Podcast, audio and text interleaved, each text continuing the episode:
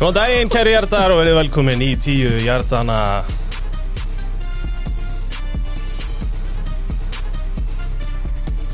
Takk fyrir. Sittum hérna í Nóa Sirius stúdíónu Ég og Valur Gunnarsson Podcastuðinni Mattias Tim situr í hellinum sínum á eilstöðum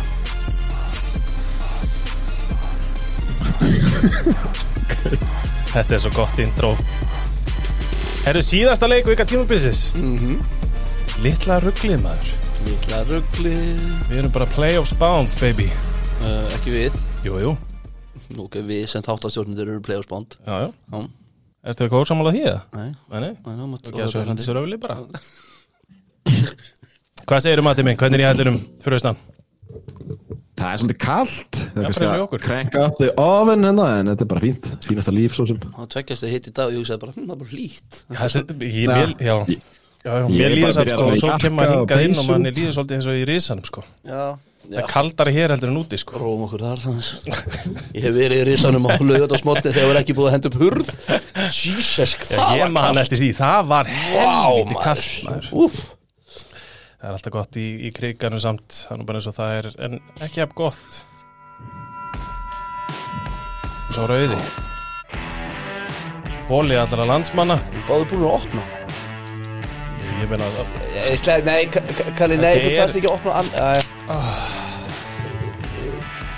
Tvíverknaður.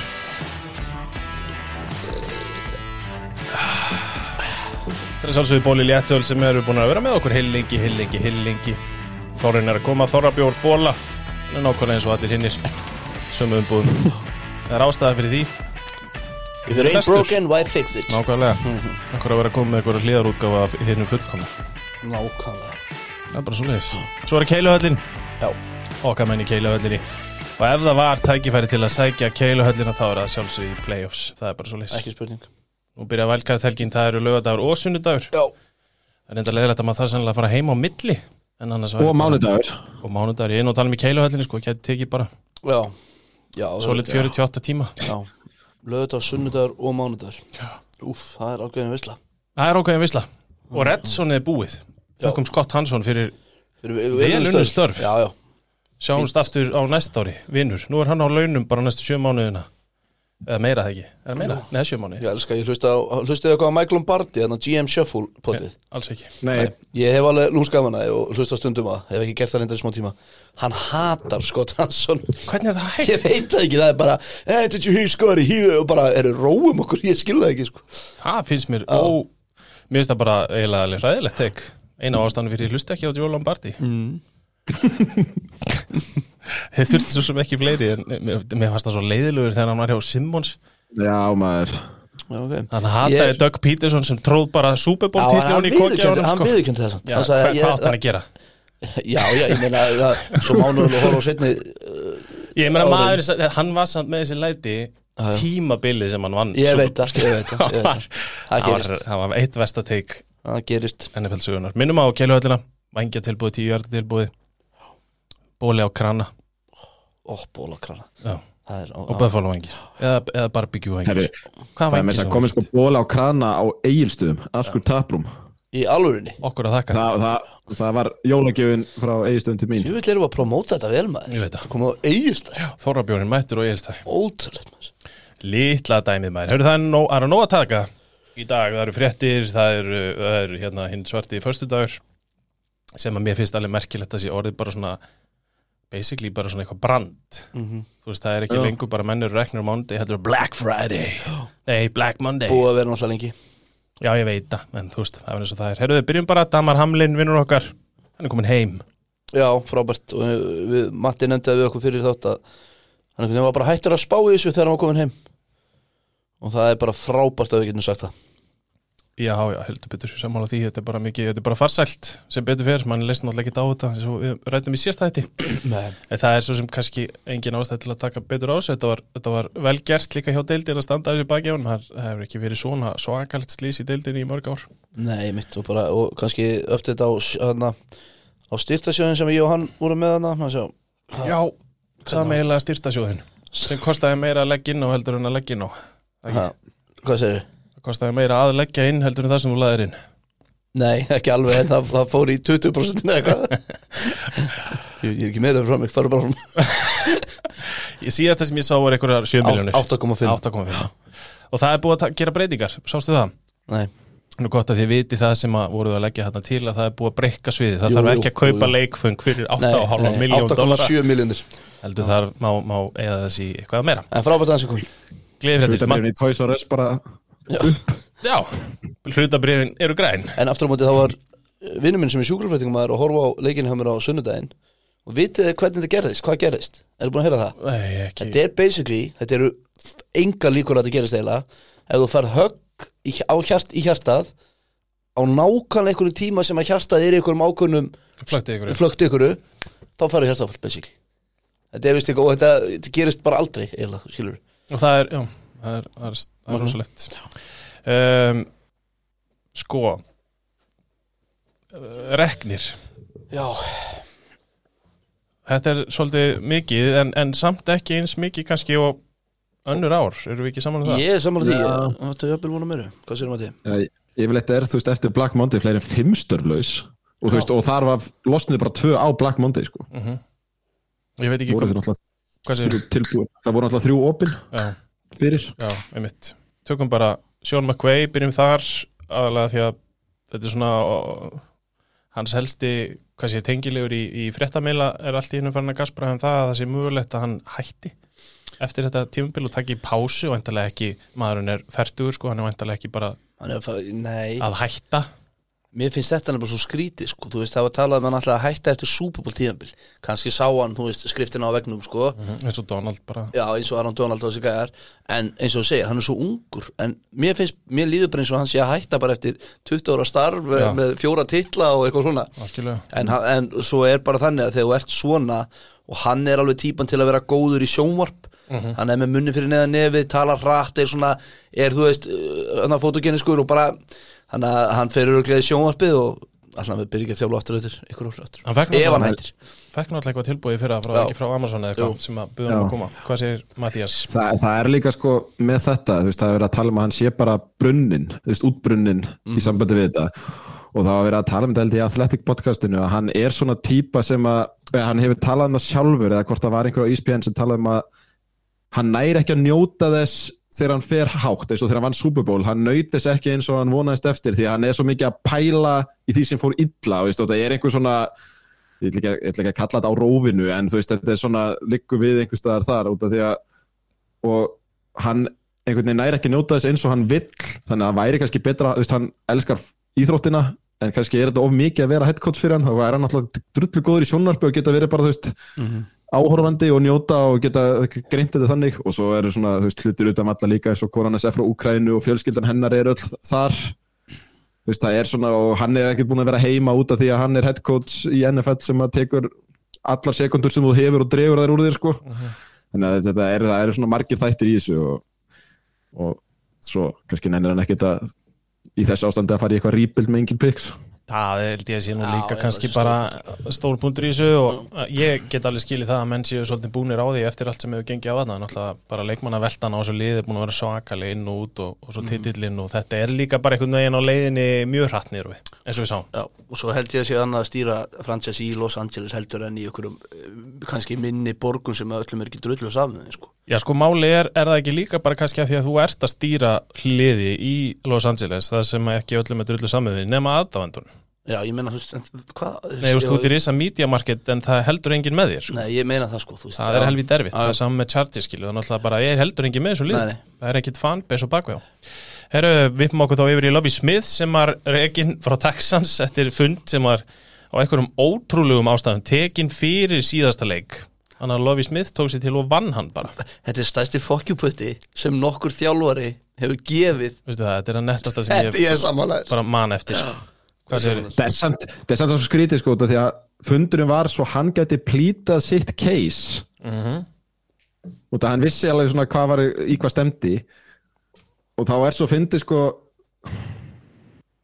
ætlan hefði verið rekin ef hann hefði náð fölstrandinum það kemur svona þú veist og en, en samt allan tægin eins og með hérna Kulli á, í síðast síðustimbili þetta var alltaf einhvern veginn vitað þetta væri bara done, sama hvað myndi gerast hversum bara, hann er bara að halda þessu sæti lausu svo næstu gæi getur komið inn og maður sér það á, gaurunum sem þeir vilja, eða, þeir vilja tala við.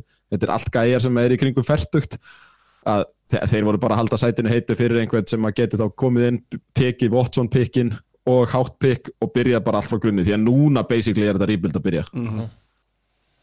Þetta er, þetta er, þetta er merkilegt og bara, eh, hvað sér? Nei, svo er mjög flott viðtaluðan eða presskonferensis eftir hann sagði bara að þegar maður spurði hvort af hverju er unnu leikin hann sagði bara ég er ekki að fara að segja við atvinnumenn og allt sem maður hefur predikað að tapa leik. Þú veist, ég geta bara ekki sagðan það er ekki það er bara, það er ekki ég og það er ekki þessi gæjar eins og við höfum rætt um á þessum Það var svo mikið af, gifum og, og hérna, memes, memes af honum, hana, það sem þú voru að gera grína hann og Brandon Cooks og eru bara að senda risastóra já. löngutöng á, á Texans franchise en var hann þennan fund, þú veist, að plýta sitt case og eitthvað svona, þú veist, þetta er samt svo mikið þvæla, sko, þeir voru löngu búin að ákveða hvað þeir ætla að gera. Og já, Smith vissi það. 100%. og það er svo sem að reyna að selja manni hvað sem er eins og venjulega en þú veist, hann vissi það alveg og ég bara ánaði með hann ég ætla að taka það bara hérna, þú veist, staðan er bara þannig varðandi uh, nöfn sem eru tengd við þessu stuð, það er Demarco uh, Demico Ryan sem er defensive coordinator hjá 49ers uh, Jonathan Gannon hjá Eagles defensive coordinator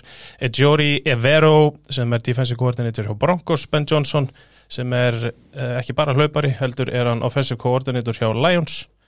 Og uh, Shane Steichen offensive coordinator hjá Eagles ekkert óeðlilegt kannski báðir koordinatornir hjá Eagles séu bara í bullandi rönni fyrir einhverju stöðu hvað er með Demarco Ryan, hefur hann engan áhuga á þessu? og önnur sælspurning er hérna Niners eina liði sem að fær að þau koma hvítumanni í þjálfarastöðu eða hvernig virkar þetta?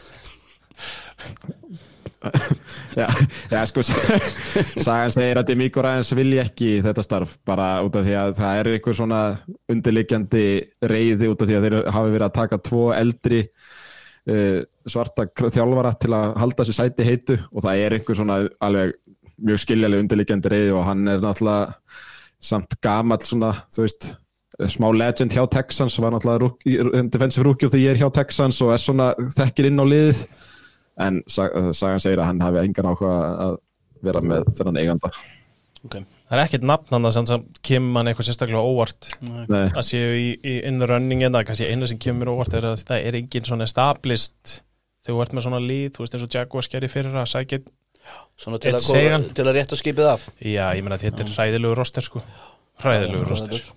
uh, Næsta mál Vinni mínir í Cardinals tóku 2-5 ára samninga og sturtuðu nefnum klóstitið losuðu sig við Cliff Kingsbury og Steve Keim. Steve Keim náttúrulega var í leifi vegna veikinda og ætlar að einbytta sér að því að jafna sig á þeim. Já og hann hætti víst. Er, þú veist, hann resignaði, hann var ekki reikin Já, og svo er líka, sá ég verið að tala um það að þetta hafi bara verið mutual agreement hjá Cliff og Cardinals að þetta starf bara henda honum ekki og hann fer frá liðinu Ég meina, þú maður þurfti ekki að horfa nema smá á samskipti Kæla Murray og Cliff Kingsbury maður vissi þetta allan daginn sko.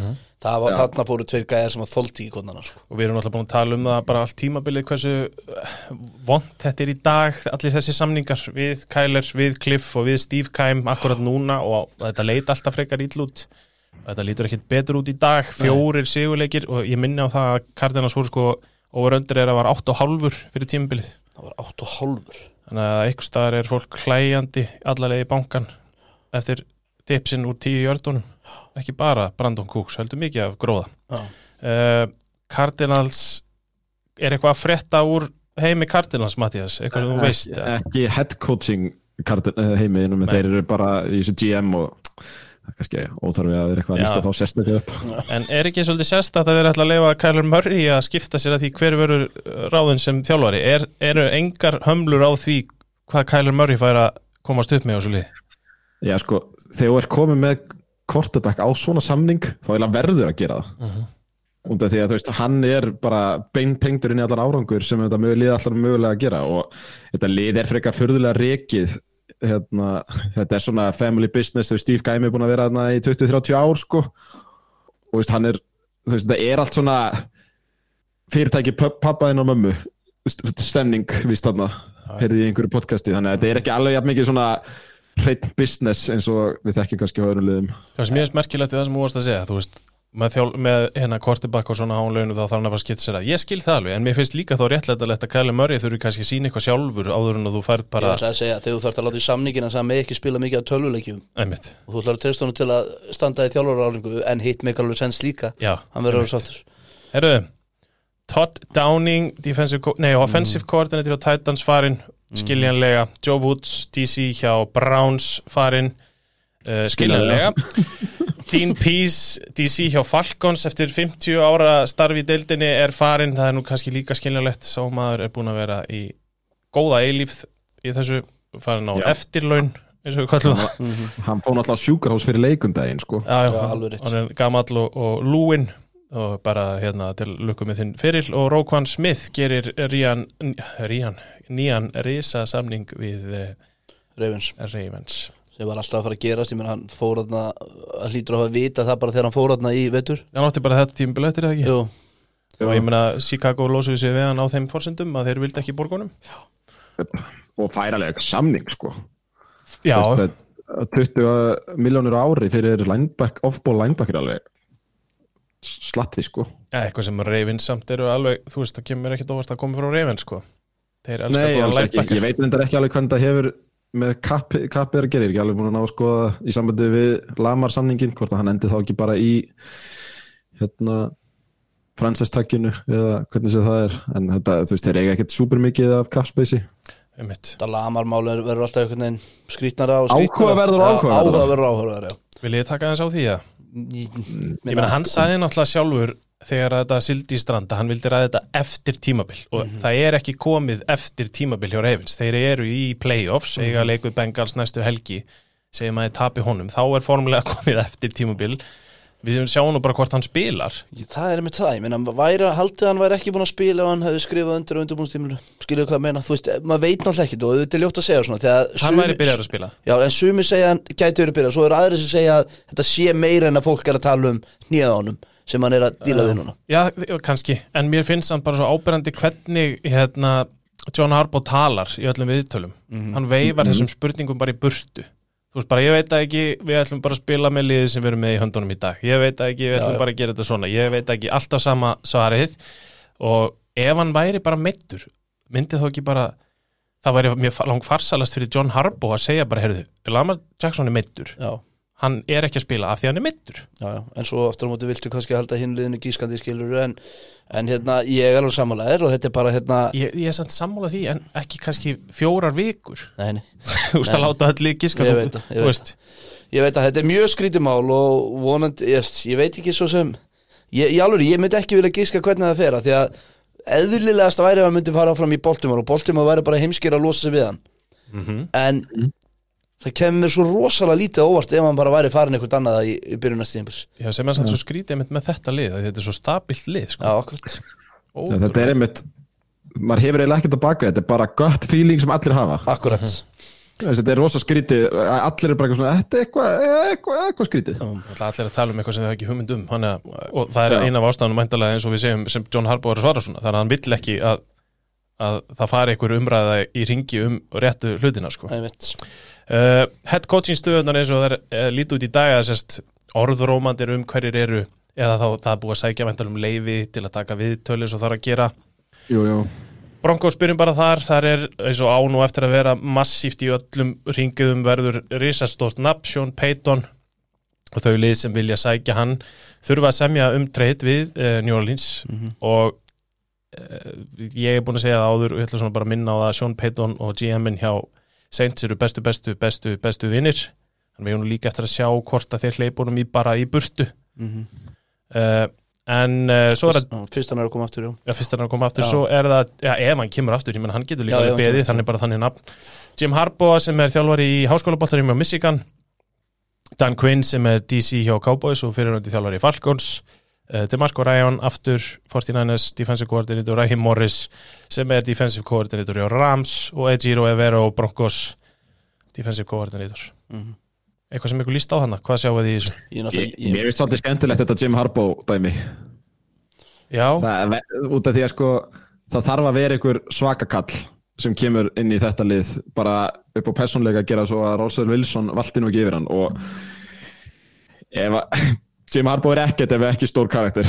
Já, ég, ég, ég er sammálaðið Matti en ef ég verið bronkosmaður þá myndi ég náttúrulega alltaf vinna að sjá Beiton Mér finnst það alveg bara auglust og hann er líka alveg personleiki Ég segja, og hann er líka karakter En ég er sammála Matta að ef ég sem aðdáðandi bara íþróttarinnar ég myndi vilja að Harbo myndi koma aftur og fara í Russell Wilson klefa Já, jésús Ég alveg talað, ég, ég held að fyrst sem myndi segja bara hættu þessu let's ride kæftæði, Já. aldrei segja aftur í viðtölu Ég, við sko, þurfum allavega að fá þá tvo inn í deildina sama hvert þeir fara. Já. Ég meðan Jim Harbaugh var tilbúin til að koma í fyrra og var náttúrulega brjálaður yfir því að fá ekki stöði ég man nú ekki hjá hvaða liðið það var en hann var bara á bara hjælt að hann væri bara að taka flugið til að skrifa undir samning. Já, alveg rétt, hjá hvernig var það aftur? ég man það ekki, ég bara, þetta var að detta upp í kollinu á mér. Svo endaði það náttúrulega því að vera eitthvað starfsvitar. Hann held að hann væri bara, hvar er, hann bara labbaði inn og hvar eru papírarnir, hvar er ég að skrifa undir? Og svo var þetta bara eitthvað eitthvað sólarhingur af starfsvitalun sem hann átti ekki vona og, og starf sem hann fekk ekki. Hann var náttúrulega búin að senda, var ekki defensive coordinator sinn, í- leiði honum að fara því að hann held að hann væri að fara í. NFL-deildina það var algjörst rugg Já, Var var ekki Vikings? Jú, á Vikings, einmitt. Á og það starf, starf. þannig að það verður spennandi því að Jim Harbaugh er einmitt ég veit ekki hvað mér finnst um það persónulega nú er ég ekki að tala út frá mínum, en hann er það stórt nafn að hann telur sig bara ekki þurfa að fara í viðtal sko. Nei, nei, ég veit það. hann er bara geggjaður. Hann ég meina Það hann er bara, það er svo sko. gaman að hafa hann sko. Þetta er svo þú veist, Dan Campbell er ekkert hliðin á Jim Harbaugh stundum sko. Nei, nei, og þeir gæti ekki verið ólíkar í bræðinni sko, John og Jim, Nei, nei, einmitt. Þeir, eru- eru bara þeir eru ótrúleir Herru, við vorum búin að fara yfir text, þetta- hvað segirðu? Ma- að í sambandi við bronkostöðuna þetta er samt svo áhugavert le, áhugaverð leit þú veist, upp á samtali við gæjan. Því að þú veist, það sá allir hvað Russell Wilson var á þessu ári og þegar þú ætlar að fá svona stórt nafni svo Sean Payton og Jim Harbaugh þá þurfa þeir að fá einhver veist, lofvorð í sambandi við Wilson. Veist, þeir vilja öruglega ekki handjarna sig við Wilson í fimm ár sko. Nei, þeir, sko, ég sá eitthvað þann daginn Geta þeir ekki losað hann eftir tvö ár Þá, þá, þá er raunhæft að lo, losna við hann. Já, Þannig sem ég minni að sé það Þannig að, þú veist, og ég er sammálaði með hvernig hann var í ár Að þá bara ráðar hann og se, bara sjá hann hvað við höfum Og ef ekki, þá er hann bara farin þessi tvö ár. Já, já, algjörlega Ég held líka bara eins og með Sean Payton hann fer bara þangað sem að uh, sælarnir er í stöflum sko. Já, já, en það hlýtur eitthvað að vera eitthvað aðeins annars eitthvað, mögulega. Já, já, uh, Við erum búin að fara við Texans eins og ég sagði, Cardinals sem leiðis Colts eru náttúrulega ég, það trúir því ekki nokkur einasti maður eða að Jeff Saturday haldi áfram með þetta lið. Herri, ég var að mynda að lesa grein á Athletic hérna bara með, mann já. sem að tala um að taka ábyrð þá tekur hann rosalega litla ábyrð á gengi hann sem coach á, eða head coach á Colts. Já, að því hann alltaf tala um accountability, accountability.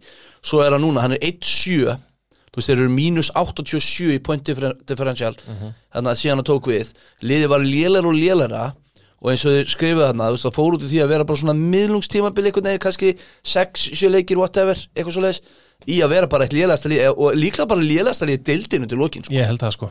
Og, og, og hann, hann er núna að akkurtera fyrir því að taka við jobbinu og sé með plan og það vera mikla breytingar og bla bla bla. Give me a break sko. Mati, Já, sko hann sagði á, á fyrsta blaðmannfundur með eitthvað það er bara mjög líklegt að eftir 8 vikur að segja bara bless, ég er ekki góður í þessu og það er bara það eins og það er. Og ég held að hann hafi bara glemt því þú veist, þegar hann segir að ef að hann verður þjálfur þá minnum þetta að líta allt öðru sér út. Ok, en nú eru Colts held ég með sjötta pikki í draftinu og hafa sko hérna Chris Ballard general managerinn, hann er að sjá um þessa leit þó að eigandinn taki loka ákvörðun og Ballard sagði á blaðmann að fundi í dag að ef þeim líst á einhvern quarterback þá er þeir alveg tilbúin til að treyta upp úr 6 og sagði whatever it takes. Þannig að sko þjá, eigandinn er bara desperate. Hann, er svo, hann er svo desperate að það er bara eiginlega ekki eðlilegt. Þannig að það er bara ég, ég, ég held reyndar að Örs hérna, sé nú alltaf desperate bara í öllu sko það er bara, þú veist hann er alltaf bara pílaður sko. ef þið væri að koma back to back Super Bowl þá myndi hann samt virka desperate hann er bara, ég, og ég er svo ánæður að heyra GM-in sé að stjórna þessu að því að hinn á bara ekki að vera nálætt þessu sko Nei, nákvæmlega Heri, Í rönninu eru Aaron Glenn sem er defensive coordinator hjá Lions Ben Johnson aftur uh, OC Sóknar. hjá Lions Raheem Morris sem er aftur defensive coordinator hjá Rams Shane Steichen sem er offensive coordinator hjá Eagles og Jeff Saturday. Já, svo náttúrulega er þetta endrast að koma inn þú veist, líður, þetta er bara þeir sem ég setti að hann inn eru þeir ofinbarlega sem eru búin að fá svo sagt, viðtal eða beðinu um viðtal. Já. eina sem að ég veit ekki hvað mér finnst um er að Aron Glenn sé eitthvað mikið í umræðinni um uh, endilega að vera head coach. Hann var líka í umræðin í fyrra það, NFL er búinlega hrifið á honum. Já, ég, ég ætla ekki að segja, ég þekki hann ekki bara. þjálfur í Lions Herruðu síðasta liðið sem við tökum fyrir í sambandi við þetta eru Panthers. Uh, Þeir náttúrulega rákuð þjálfanir sín á miðju tímabili. Og Steve Wilkes er að þjálfa liðið núna og stóðu sér nú bara Okkur með dagri príði Æ, Uh, staðan er núna svo að eh, Steve Wilkes er náttúrulega í ringiðunni og ég er alveg sammála því, mér finnst ekki að því að, að hann er ekki vandamóli hann og hann náði nú svona aðeins að rífa þetta upp. Maður hafði nú bara trúið og þeir voru eins og Matti Mark búin að segja með þetta í sínum eigin höndum. Já, og treytaðu besta leikmennum sínum. Já, heldur betur. Og náttúrulega eru bara búin að sækja svolítið að pikkum tilbaka eftir þetta æfintýri með, með hérna, kostibakstöðuna uh, Jim Caldwell fyrir um head coach og Lions og Colts. Gæti ekki verið minni spenntari fyrir því. Aftur er að Ben Johnson, Frank Reich náttúrulega sem var eh, head coach og Colts ég trúi ekki öðru en að hann komi fyrir en síðar aftur inn í deildina. Ég held að hann sé Já, betri en það sem við sáum hjá Colts og við sjáum það kannski í dag hversu mikla brunarústir það lið var bara í heilt yfir. Já, Stacken aftur því spólu bara tilbaka þið muni ekki hver það var. Ken Dorsey sem er OC hjá Bills uh, Mike Kafka sem er OC hjá Giants Mhm. ekkert svo sem mikið um þetta að segja þetta verður bara spennandi að sjá. Það eru náttúrulega moldríkur uh, eigandi sem að vill vinna þannig að mér, mér finnst ekkert villust að bara halda Steve Wilkes áfram sko, nei. persónulega, Ég er, ég er svolítið saman, ég uh, hrifst á honum og hrifst á þessu liði bara þegar leið ásvöldið heldur betur Ó, Það er líka alveg helviti mörg skemmtileg nöfn fyrst mér í ár. Það er ekki oft sem að ég er svona spenntu fyrir svona mörgum sem gefur mér smá vonir um að Demi og Ryan verði bara áfram hjá Fortinæðins. Nákvæmlega, herri, ég eru við eitthvað að fara en að vantar náttúrulega GM hjá Cardinals að vantar GM hjá Titans, ég ætla ekki að fara yfir nöfnin sem er í ringiðunni þar vegna þess að það þekkir þau ekki nokkur einasti maður. Og svo eru þessar þrjár stöðu kannski mest ábyrjandi Falcon sem eiga náttúrulega næst mesta kapprúmið fyrir næsta tímabil og eftir, eftir hérna Chicago. Uh, Browns vantar, DC og Titans vantar offensive coordinator. Það sem Svo, ég, ég glemdi þetta inn í skjálið að Rams náttúrulega voru að missa offensive coordinatorinn sinn. já, og ég bara persónulega fyrir Rams ekki draga það of lengi ef þið ætli að finna ykkur nýjan þjálfara. Það er ekki gott. Herru, uh, alveg bara í óundibúnum umræðum. Þá ætla ég bara, eigum ekki að rúla bara svona eldsnögt yfir kannski hverjir eru í topp 10 í draftinu? Svona úr því að við vitum hvernig það verður uh, Fyrsta Já. pekki náttúrulega fer eftir ævintýrið í hjá uh, Texans til Chicago. Númer 2 er Houston, eða við bara fara yfir ekkert líka Chicago 3-14, Houston náttúrulega fá annað pekki á eins og glæsilega jafntefli sínu á miður tímubili uh, 3-13-1 Arizona, ég elska Arizona sem er þriðja pikkið Mhm. uh, 4-13 Indianapolis Colts fá fjóruða pikkið 4-12-1 það þurfið fjórir, ekki sex, sorry. allt í góðu. Uh, Denver pikkið er náttúrulega Seattle pikk í ár 5-12 Denver enda 5-12 Seattle fær pikkið þeirra. LA Rams hefða á sjötta pikkið en sendu það náttúrulega fyrir Matthew Stafford til Detroit 5-12 Las Vegas Raiders fá sjöunda pikkið 6-11 Atlanta Falcons eiga áttunda pikkið enda 7-10 það er náttúrulega röð af 7-10 sem að ég ætla ekki að fara í gegnum hvernig endaði uh, eiga áttunda pikkið á uh, Carolina Panthers eiga níunda pikkið 7-10 New Orleans sendu pikkið sér til Philadelphia Eagles Hann er Philadelphia með tíundabæki erum með tíunda pikkið sem er rosalegt Það er rosalegt sko þau gera vel úr því maður Úf. Já, ég ætla bara að klára þetta Tennessee Titans eiga 11. pikkið 7-10 Cleveland Browns sendu pikkið sér til Houston sem eiga 2 pikk í top 12 eiga 12. pikkið uh, 13 er New York Jets 7-10 14. pikkið fer til New England Patriots ég held að sé nú bara man ekki eftir því að þeir hafi verið endilega svona ofalega í drafti lengi tóku Mac Jones, Já, var hann ekki jú. 15 eða 16 eða eitthvað? en það kunna er ekkert að drafta uh, 8-9 Green Bay Packers með 15. pikkið 8-9 Washington eh, Commanders eiga 16. pikkið 8-8-1 Í, uh, uh, Pittsburgh Steelers eiga 17. pikkið 9-8 og Detroit Lions hyrða 18. pikkið 9-8 þetta eru liðin sem eru ekki á liðin í úsleikefnina við þökkum þeim fyrir tímabilið og bid you farewell. Og byrjuði bara að skáta. Um, hérna, það sem ég veist áherslu kannski við þetta topic er að GM-in hjá Bears er búin að segja að I'd only draft QB at number one if blown away. Þannig að þeir eru ekki búin að útiloka að drafta leikstjórnanda nummer eitt. Þeir Finn- meiga það ekkert. Hvað segir, nei en finnst þér það samt ekkert skrítið að þú veist, ég myndi ekki á þetta, ha, maður? ég myndi treyta fílsaranum í burtu. Já, ég með ég myndi, á- ástæðan fyrir því er að þeir, eins og við erum búin að mark tíðraða hérna, að þeir eru, eru í, sko, að byrja rebuild á, með leikstundarlegin á þriðja tímbili sitt. Já, já. af hverju ekki að treyta honum í burtu? Kannski geta þær fengið hvað, eitt, tvö first round picks fyrir hann sem, að hefur, sem að hefur flasses sem að geta selt sem að getur selt. Er að og byrja bara upp á nýtt á fimm ára samning Mhm. með þetta rúki quarterback klass og þú getur valið bara þann sem þér þykir bestur og, og mikið, já, já, mikið náttúrulega 100 miljón dollara Já, já. í en capspace þú getur náttúrulega gert alveg helling með Já, það en máli er að rosterið þeir er bara svo það, að þeir þeir eyðilögðu 100 það. miljónir er bara ekki nóg. Sko, málið með þetta dæmi allt saman í fyrsta lagi þá meiga þeir ekki segja að þeir taki ekki að þá, þá er þarna bara ringir QB needy lið í Houston já, já. Ok, eða Arizona þessuna sko út af því að allir vita að Houston er að taka quarterback. Í öðru lagi þá þú veist, þetta first pick það klikkaði eitthvað á Chicago eða taka þú veist, þeir velja leikmann nummer eitt og eru með Fields á rosterinu, hvað sem það sé non-QB eða ekki, þeir vantar picks, vantar leikmann.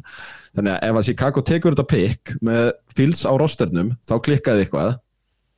Þannig að þeir eru, held ég svolítið desperate að treyta þessi pick í burtu þurfa eiginlega að gera það sko. Mhm.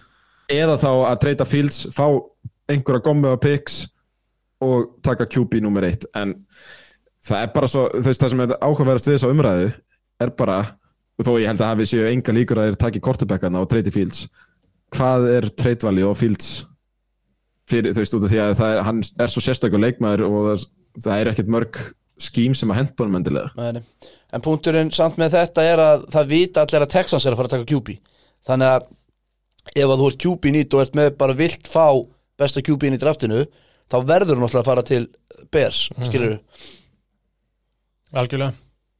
Valjúði Ég- en það, það, það, eru, það eru breaking news. Það er svoleiðis. Býtu, Býtu, ég held að þetta sé hér. Nei, ne neðst að það fjólfa Var þessi? Já. Breaking news. Uh, Ron Rivera var að tilkynna það að offensive coordinatorinn Scott Turner hefur verið reikin Jesus Christ, Matti, ég átti að vona aðeins meira en jú, þetta er breaking news. Þetta eru brjótandi Þetta fréttir er alveg brjótnið fættir, já. Þú veist, út af því að fólk er alveg hrifin að þú veist, þessi sókn er búin að vera ágætlega uppsett já. að quarterback ringiðan er búin að vera að snúast allt og lengi og allt og hratt og allir eru komið gubbun upp í kók sko, þá er hann fín Algjörlega. Herriði, ef við þá við upp okkur yfir í leikir að pæliði samt í þessu með Bears. Byrja tímbili 2-1 Vinna á endanum þrjú, þrjáleik fjórir eða eitthvað. Er já, ekki- eða eitthvað nei, svoleiðis. þrír, Alla tveir. byrjuðu Jú, 2-1 á já. fyrstu þreymur leikjunum var alveg Já, já, þetta er sem það er. Tapa tíu síðustu leikjunum. Já, ég veit. Það er, er, þrótt Mhm. En gaman að fá fyrsta pikkið. Jæja. Jæja, við- til sín Claypool þegar ég heldur geta eitthvað. Já, já pælið því. Já, sem er orðin 30. annar pikki bæðu og því að Dolphins náttúrulega kostiði pikkinu sínu út á haf. Mhm. Herriði, Cheaters reytist Chiefs? Uh, Já, já, við erum búin að tala um núna. við erum búin að tala um hann. Það er, það er svona spurning hvað við ætlum að taka. Voru við með eitthvað að skrá yfir nákvæmlega hvaða leiki við ætlum að taka eða? Nei, nei, við getum hlaupin Hlaupum þennan nema að getum tekið þess að ringi ekki þarna. Jesus Christ, sko. We don't give a fuck! Nei, svona ángríns, sko. Veist, ég, það, það er sem sagt tóku svona ringi ekki kringu boltan stiltu sér svo upp og þetta bara drós maður lífs, lífsvilja mínum, sko. Touchdown sem var síðan tekið tilbaka. Já, en mér er alveg sama, sko. Þú myndi skora tössunni hverju einasta skipt sem myndi gera þetta Ég myndi satt ekki vilja að myndi gera þetta. Þú ert náttúrulega gamall maður að Ég er gammalt skýin. maður, ég gerum mig grein fyrir því En þú veist, þetta er eitthvað svona sem maður sér á pæjumóti Og fóröldarinn á hlýðalíninu bara svona Þetta er nú meir kellingarnar. Og það er skoruðu næstu Þetta er, þetta er í alvöru tala, ég er bara Og svo fyrir, fyrir utan það Þá er þetta náttúrulega bara vannvirðing við hitlið Haldið þið myndi gera þetta í AFC Championship leiknum? Alls ekki. Nei, þetta er bara vannvirðing við hitlið líka. Og ég ætla bara að deyja þessum hól Þetta fór, þetta fór, þetta fór actually í töðan á mér. Og ég meina Það trublaði mikið neitt Nei, nei, ég veit það. Og sérstaklega ekki á móti Las Vegas reyt Nei, nei, en þú veist, já. Hey. Það er þróttið Mér fannst þetta vannverðing og fyndið ef að ég má vera svona hlutlaus. Mér fannst þetta fyndið en ég er samt sammála að þetta var vannverðing og eina sem er að taka úr þessu leik er að Chiefs tryggðu sér first round bye og, og eru eitt sít úr AFC En við náttúrulega tókum ekki það. Hvernig er Já, díluð við Ég ætla að taka það núna, þú veist, bara út af þessu, þessum Bills Bengals leik sem betur verið þá var ekki drama í kringum Ravens og Bengals sem þurfti eitthvað coinflippið. En þetta þýðir þá að Chiefs eru nummer eitt og ef þeir mæta Bills í AFC Championship game þá verður það á hlutlusum velli. Sko, málið er Máli er uh, Bengalsmenn eru að sjálfsögðu brjálæðir Þeir fengu sko the raw end of the stick hérna sko. Segjum það ekki, raw end. Alltaf, skilur ekki Og hérna Short end, já, of the stick Ráa endan Já, Já. já, það er mikið enga sens. En alltaf, nema sér cinnamon stick. Heyrðu, hérna, það því að, því að sko Bengals og, og aftur, maður horfði á hana leik Þegar Hamlin greiði mittist Eða veikt, þannig, já Dó bara, basically. Að hérna, að þeir voru, þeir lítu svo vel út og maður hafði svo innil á tilfinningunni að Bengals var að fara að vinna hann leik. Ég veit að voru áttamyndu búnar og þetta er Bills og það átti hellingur þetta að gera. Staðan var 7-3 Bengals með boltan og þeir voru að lappa bara upp völlina sko, eða völlin og ég skil alveg að Bengals menn séu reyðir en mér persónlega finnst þetta bara, þú veist maður getur ekki verið eitthvað pyrraður í þessu svektur í þessu, þetta er náttúrulega bara alveg ekki hægt að segja að þetta hafi gerst áður skilur og bara, það verður bara að vera áfram gakk Já, algjörlega. Og svo, svo ef ég höfðu það að skipta engum máli Hvað- Þú veist, þetta, þetta á endanum þá einhvern veginn Þú veist, þeir fengur náttúrulega the short stick. Já, En ég held að það hafi samt síðan ekki skipt neina máli Þú veist, at the end of the day Út af því hvernig úslitin voru. Nei, byrju, þeir hefðu unnið Bills. Ef þeir hefðu unnið Bills í þessum leik skilur þú? Já, nei, þú veist Sko með hvernig þetta reglurna fóru þá fóru þetta eins og vel og þetta hefði getað farið Já, veist, já, upp, svo, já, upp og þeir gætu, þú veist, kvartað. En, það eina sem kemur út úr þessu er að Chiefs eru eitt og ef þeir mæta Bills hlutusvöllur Já, já, mér finnst það Búið. ekkert ekkert fárlega heldur. Ok, Alltaf lega að benda á Yes. það að uh, með sinni stórkostlu framistuðu sem Josh Jacobs hljóp uh, 17 sinnum fyrir 45 jördum og létt Jared Stidham hlaupa meir en hann sjálfur þá var hann samt rushing yard lítir á þessu tímbili yes, til hann ekki með það Joss, til lukku með það. Samningsár. Og Jared Stidham kannski kift aðeins nýra á jörðina. Já, Já, veist, og Mahomes eh, er sló met yfir total yard á tímbili Mhm. 5608 og það er náttúrulega mest í NFL og með flest köstu touchdown sem voru 45 til með það herra Mahomes. Já, í þriðagýr uh, Jaguars Titans 2016 sagði ég 31-13 fyrir Chiefs á hann, það er ekki. Jaguars uh, Titans einn af leikjunum sem var svona kannski mest spennandi vegna þess að það var bara win and in. Heyrðu, þetta var bara, þetta var bara skemmtilega leikum fannst mér sko. Hann er það Dobbs, heitir hann það ekki, hann er QB-in hjá Tennessee. Jú. Hann leitt bara nokkuð vel út. Just Dobbs Já, mér fannst bara Mér fannst bara svolítið gaman að á hann þú veist, Það var ekkert eitthvað groundbreaking leikur En hann var bara nokkuð solid En svo hendir hann í, var að pikkað fömbul í lokinu eða ekki sem að Fumble. Já, sem að Jaguars vinna leikin á En bara heilt yfir, skemmtilegu leikur Og sem betur fyrir fyrir Jaguars í Playoffs en ekki í Titans. Matti, Já, þetta er, ég er sammála sko, þú veist, þetta var svona maður vonaði að Jaguars myndi vinna og þetta var alveg leiðilega jamt alveg fram að síðustu svona hva, hvenær kemur þetta strip sack fumble six, það er þrjá myndir eftir eða Já, þrjár myndir eftir cirka, þannig að þú veist, þá vinnaði þetta og, og hérna, að ég veit ekki þetta er Titans eru lúmskir, Vrabel er drullu góð þjálfari, þannig að þeir voru alltaf að fara að vera inn í þessu leik. En sem betur fyrir þá skriðu þeir ekki yfir línu og þú veist, því að þetta er, þetta Titanslið er svo fáralega furðulega uppbyggt og það er bara komin einhver tíma á rýpild Ég þól ekki þegar að menn eins og að Trevor Lawrence sem ég er honum spenntu fyrir einhvern veginn maður horfur á því í svona primetime leikjum maður horfur maður alltaf alla leikin ofta er maður bara að fylgjast með þessu gæjum á, á hérna, Red Zone og svo kannski lesum og whatever. Mér langar svo hann mér langar svo hann vinni mig alveg á sitt band. Hann er bara ekki búin að því og þessum leik gera það ekki sko. Æ, ég veit ekki. Og þú veist, á, en já, þetta er flott og ég, eins og ég, ég er bara ánægður að, að Jaguars sé í play-offs bara með skemmtilega lið. Mér Það finnst er líka það er lítið vel gert að fara frá number one overall pick í að vinna AFC South sko. Já, já, Það er með máli, mér finnst Trevor Lawrence ég er alveg sammálaðir, þú veist.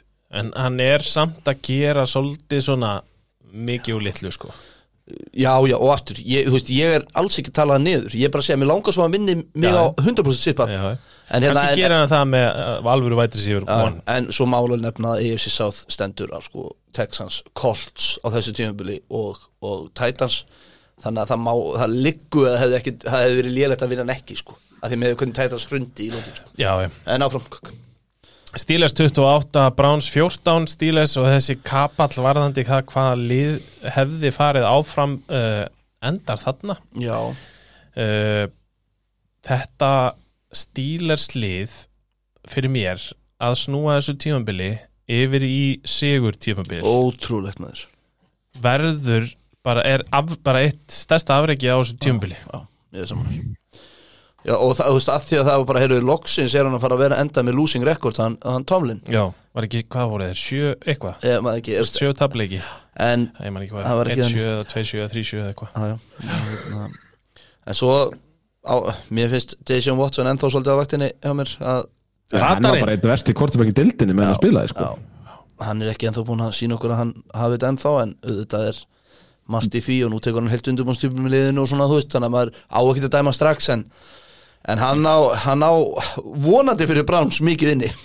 Já, þetta er því að sko á næsta tímabili byrjar samningurinn á alvöru. Þannig að næst, þanga til að leiktíðin 2027 þá er Deshaun Watson að fara að taka 53 miljónir af kappitti Browns.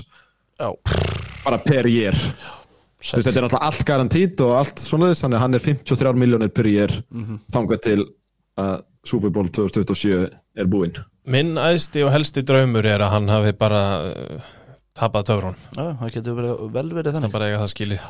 Ég er líka er, með smá á Steelers. Þetta er svo magna hjá þeim sko, er enda tímabili 6-1 Hvað ætlaði að segja Matti? Nei, ég held áfram bara, uh, ekki mér eftir. Nei, Matti bara. Nú, já, Já, æ, sko, þetta er svona pínu pæling, segjum sem svo að Tua spilar ekki fyrir Dolphins sem komist inn og við náttúrulega spoiler og allt það ef hann spilar ekki þá er það Steelers eiginlega lið sem ég hefði viljað frekar áfram heldur en Patriots. Ég er Ekki spurning. Ekki sem að spurning. er alveg alvöru uppeyja sko. Ég meina það er fullt að liðum í, uh, jú, það, er, það er slatt að liðum í play-offs sem að ég, ég væri til í að svissa út. Ég hefði Já. ekki viljað fá áttundasætið inn eins og var hugmyndum varðandi þetta hana uh, slís Mhm. Það sem að koma upp hugmyndum að bæta áttundaliðinu við það hefði verið hræðilegt. En hins vegar var ég, ég meina Lions, Steelers ég hefði frekar viljað sjá þau inni heldur en, heldur en mörgunnur playoffslið, þannig sé horfið bara að tampa á þetta dót sem er í gangi sko. Já, ég er alveg samanlega það er gjaldróti ef við ekki halda bara áfram, Jú. bara yfir þá til Patriots, að þetta er bara höldum okkur við kapalinn þar. Uh, Bills 35, Patriots 23 og þarna er ég bara, ég var að, þetta er jafn leikur bara allan fyrirháleikin og ég var allan tíman bara með svona stress-tremma. Bara er ég í alvörunni að fara að fá þetta Mac Jones Patriots rugl í playoffs? Ég bara, ég, ég, ég, nenn, ég, ég, ég ber fulla vinningu fyrir því að við erum með að rísa stort fanbase hérna og þetta er bara alveg eins og með Já, pakkaslið já, við heldum með þeim og vildum áfram. En fyrir hinn hlutlösa aðdáðanda vörnin hjá Patriots á alveg skilja fyrir playoffs. Já, já, já. En þessi sóknarleikur þarf bara, sko, það þarf bara eitthvað andlegan þjón til Já, að bjarga meina- þessu bulli, sko. veist, það er oft sagt að vörð sé besta sóknin. Já. Nei, sóknin besta vörnin, helvítis. Þetta var flott sér Já, samt. en þú, þarna- þú hefur samt sagt hitt, Já. ég hef heyrt það, sko. En þarna er, actually, vörnin betri en sóknin að skora leikuði, sko. Þetta er ótrúlega hvað Patriots vörnin er seg Hvað er með tíu special teams og varnar touchdown Já, þú veist- tímabilinu, held ég.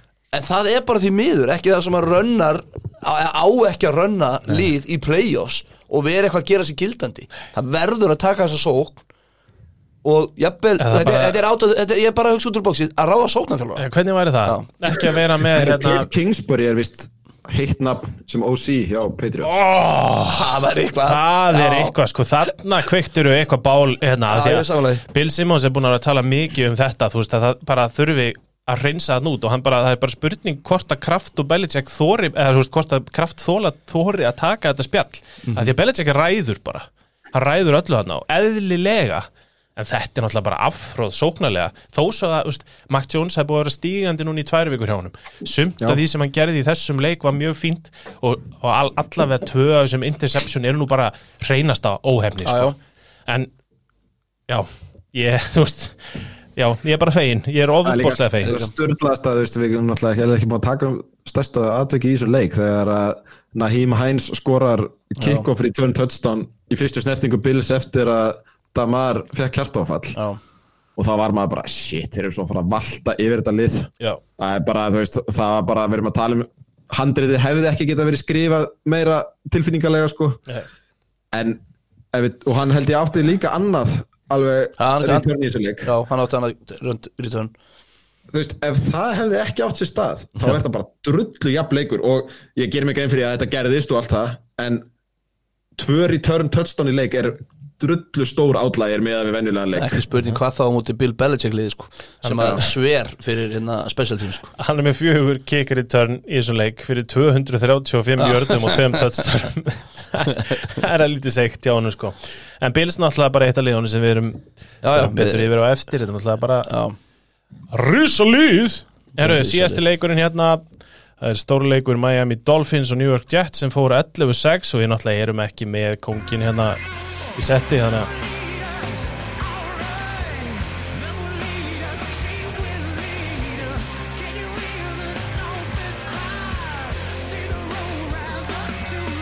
kannski ekki beint viðegandi en þeir haltra Nei, inn í, inn í playoffsið á því hvernig leikinni fóru hérna. Miami Dolphins með Skylar Thompson sem gæti verið bara eitt slagast í kortibakkin sem er spilandi í deildinni þetta var, þetta, þessi leiku var mesta þrótt sem ég mann eftir sko. Þetta var sko Ja, Joe Flacco með enga sóknarlínu þarf engin að sjá. Nei. Þetta var ógeðslegt sko.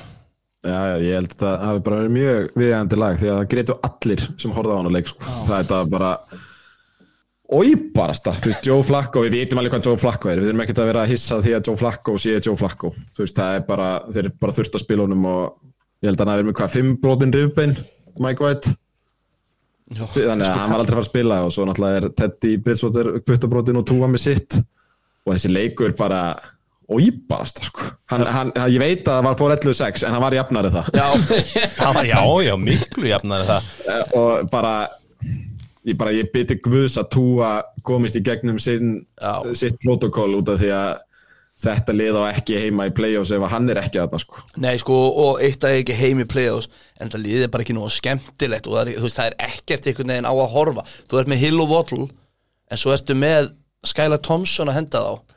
Já, þetta er bara ljótt og þó þú var bara fyrir sögulínunar þá verður tú að spila í play-offs. 20 í þessu Mér fannst alveg svona áhugavert að það hef búið að vera að tala um það hvort Hills er hinnlega bara meittur Já, hann var, hann var bara næstu í dáin að innan í dag sko. Það bara, það leit ekki sérstaklega vel út sko, bara það vantar svona eitthvað í hann, það vantar eitthvað svona hill dæmi, Já. en svo er spurningin með sko, jú, vissulega væri mun skemmtilegra að Túa myndi spila þennan leik, en hvað finnst ykkur um bara yfir höfuða að spila hún? Bara þrjá heilarhistinga á einu tíumbili Fjóra, eða ekki? Þrjá. Nei, þrjá, þrjá Já, ég, ég, ég, já, Ég held að Það sé engin specialisti, en- engin, engin læknir eða nokkur einasti maður sem myndi segja að þetta væri ráðulegt að gera það. Nú er ég ekki, nú veit ég að byggja að hlusta og hann er að skalla í gegnum kipsveg heima hjá sér. Mhm, og fá heila sérsting og fá heilarsýsting. Það Nei, í alvörunni, Ég það er, ég það er galið að gæi. Nei, sem fær þrjá heilarsýstinga á Ég veit okkur það, þremmu Ég veit, en málið er bara, veist, hann væri öruglega ekki svo fyrst í NFL til að spila eftir þrjá heilarstinga Nei, en þú veist, árið er Já, já, 2023 og sko. þetta er náttúrulega svo á- áberandi staða. Ég er alveg sammálaðir, það meikar enga sens Engan whatsoever. En ef hann er fit þá Það er ég að máli, spila hann honum. er það ekkert. Nei, nei. Það getur engin Hann er verið samt það. meira fit en Skylar Thompson Já, ég menna, ég á samt vini sem fengu Já, þú veist. einn heilarhisting og handbóltatífumbili og spiluðu bara ekkert í tvö ár. Nei, nei Þú veist, það er þannig sem er verið að taka á íþróttamönnum yfir höfuð, sko. Við erum ekki að horfa hérna, herruðu, þriði heilarstingunni, hvað, hérna, getur þú stafað á og upp í rest bara, kanntu stafrófið það, já, flott inn á með þig. Þú veist, þetta er bara, er hann- bara vittlisa, sko. þetta, þetta, hann er í þessu protokóli og búin að vera það núna hvað í tvær vikur eða eitthvað og hann er sko ennþá á þrepi 2 af 5 til að mega þess, hann má ekki kasta bolta sko. Og, og hann er ekki, og, og nú erum við að taka upp hvaða dagur er í dag. Það er þriði dagur. Það er þriði dagurinn tíundi. Og það er ekki ennþá, og þessar frétti kom í gæra hann mætti ekki byrja að kasta bolta. Þannig að, og það er ekki búið að koma neitt í dag. Ég reyndar ekki séð að Da- McDaniels er búin að eiga blamanafund þannig að þetta, er- að, þú veist, bara tímalega séð þá er ekkert vissum að ná þessu því að hann áttur að taka sko þrjú skrefi viðbót. Þetta er eitthvað í sambandi við ja, hversu mikið mátt treyfa það æfingum og hversu mikið mátt gera.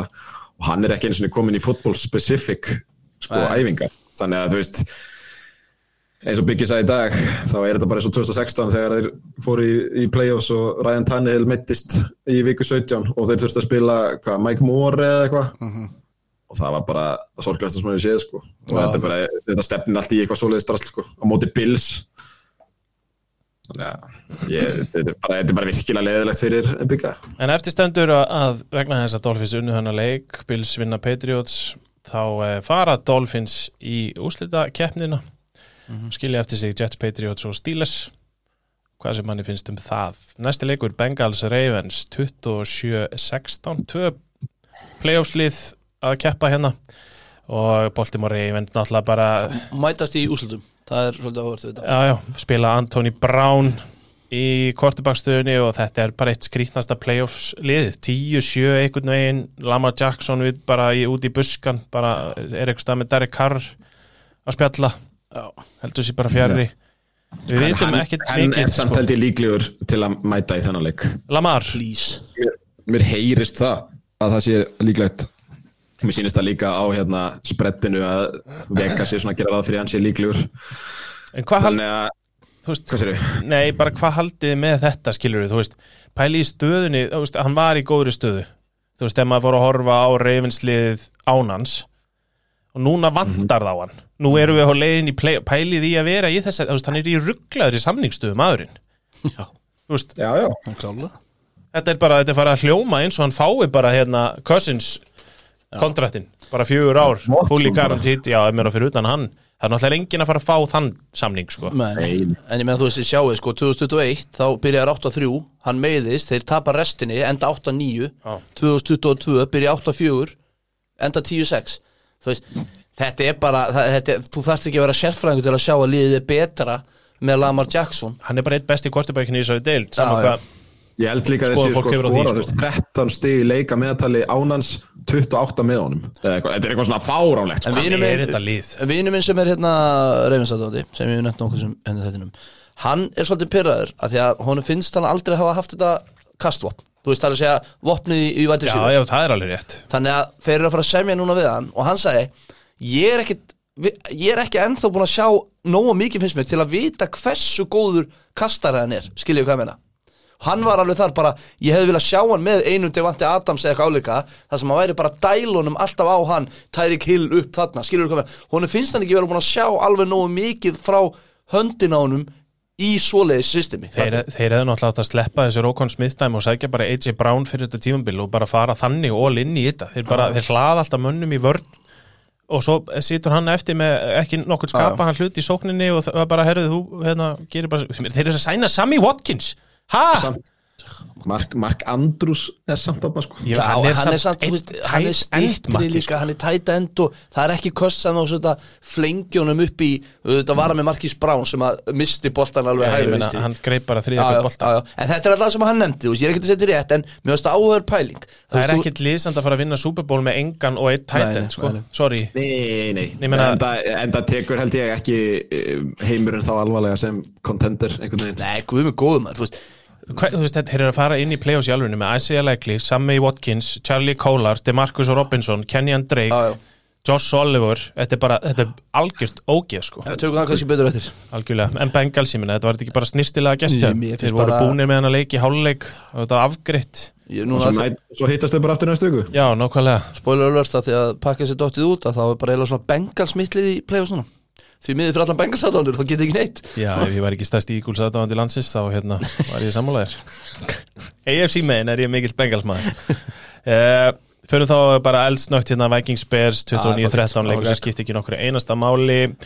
Uh, það var skorað touchdown og uh, leikurinn endaði 29-13 yes. Uh, næsta mál á dagskrá reyndar var þetta alveg samt leikur sem skipti máli upp á sýtinginum leið og þeir bara voru skor, hérna, sáu skorbortið hvernig það var í öðrum leikjum þá var það afgreitt búið. Já, og líka náttúrulega þetta skiptir mála því að Bears var först Já, þú veist, við erum búin að týra Já, tíunda hérna áður.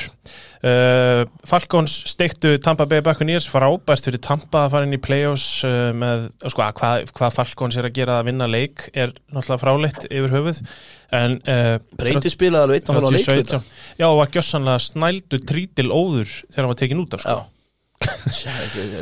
Sko. Og inn koma Blaine Gabbert og Kyle Trask. Skulum vona ég, ég skil hann alveg. Þetta lið þarf alveg að púsla sér saman sko. Búin að hafa 16 leiki samt sko. Já, ég veit að þú veist, þeir samt ef eitthvað lið þarf að fara inn í play-offs án þess að kvíla og aðeins svona Ég að ná áttum að erða böks en þú veist, ég veit 16-17 vikur sko en ég skil samt að hann sé pyrraður Já, já. En þú veist, einstaklingur sem hann er. Já, já Það er svo sem lítið samt, að því að við, sko, við gætum tala endalist um að leika en það er einmitt vegna þess að á, staðan er bara svo að þeir spiluðu ekki aðal mönnónu sínum, þá er ekki hægt að tala um þetta en það er hægt að benda það, Desmond Ritter kastaði fyrstu tvö touchdowni sína á þessu tímbili, hann mútið Tampa Bay í þessum leik, Til hafa ekki herra ritter. Til lukku með það. Sennilega komið nýtt stofustás heim til sín. Yes. Þannig að leikið sem við ætlum ekki að tala neitt mikið um Panthers 10, New Orleans Saints 7 Mhm.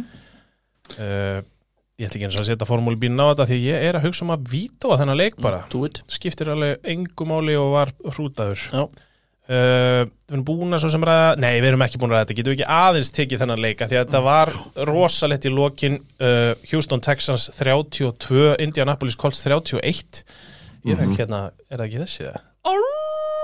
Mhm. Á þennan. Loka playið. Mhm. þegar Eikins tekur touchdownið uh, er bara eitt uppáhalds atriðið mitt á tímabilinu.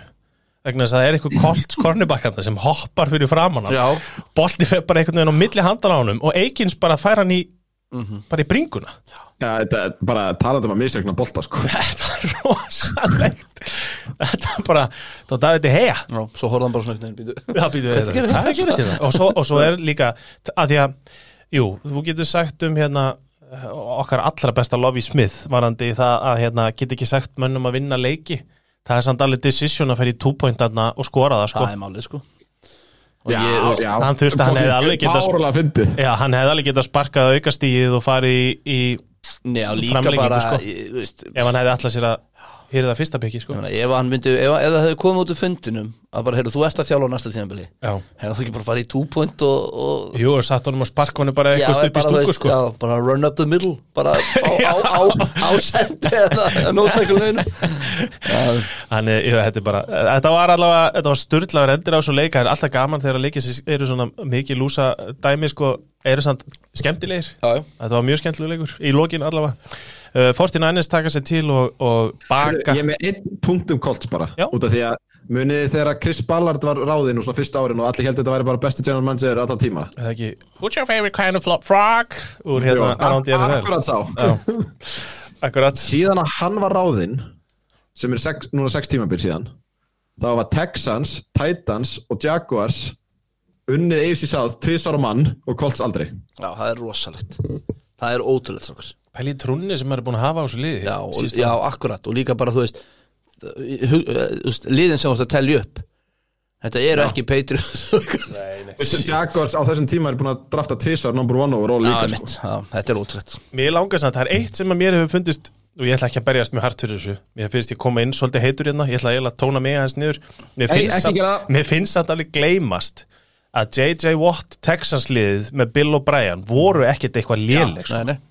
Bill O'Brien er einmitt rættur líka sem ó- hérna, OC hjá uh, Patriots. Skil það vel, hann var það náttúrulega lengi. hann, hann er líka drullu góður OC held ég. Og meðan hann er ekki uh, einhver ógeðslega útgáfa Bill Belichick hjá Texans þegar hann var coach og G GM og gaf Hopkins bara með rækjusamlokunni þarna þá held ég að Patriots fanbase verði mjög ánægt að Bill O'Brien kemur aftur. Ég ég stið það alveg hilsuver hvað ætla hann í, á hann ekki þrjá titla með Patriots, eða tvo, exulis Herru, 49ers 38, Cardinals 13 það þarf ekki að tala mikið um þetta annað en að þið svona gróðið ykkur aðeins út úr skablinum, þetta leita ekki eitthvað glæsilega út hann í svona fyrirháleik Eh, fyrsti leikluti en svo bara sá maður að eitt lið er miklu betur en annar lið. Já, já. Veist, þetta er bara uh, ég veit ekki svo sem hvað er það takk úr þessu veist, Fortinannis enda með bestu markatölu í NFL já, og bara búin að vinna tíu núna í röð, þegar og, og það er bara líklegt til árangur sem að skoða söguna. Lið sem veist- unni tíu röð við að vinna súbúl Purdy er í öðru sæti í NFL í pass rating síðan hann kom inn á í fyrsta sinn. Þetta, er, þetta er klikkað sko. Hann væri eitthvað, ef ég myndi gera núna sem að ég er bara búin að vera mjög latu við á þessu tímabili að, að powerranga og svona. Hann, hvað væri hann, top 15 myndi að ná henn á top 10 hjá okkur? Já, örgulega mér finnst, mér finnst hann eigi að vera rookie of the year.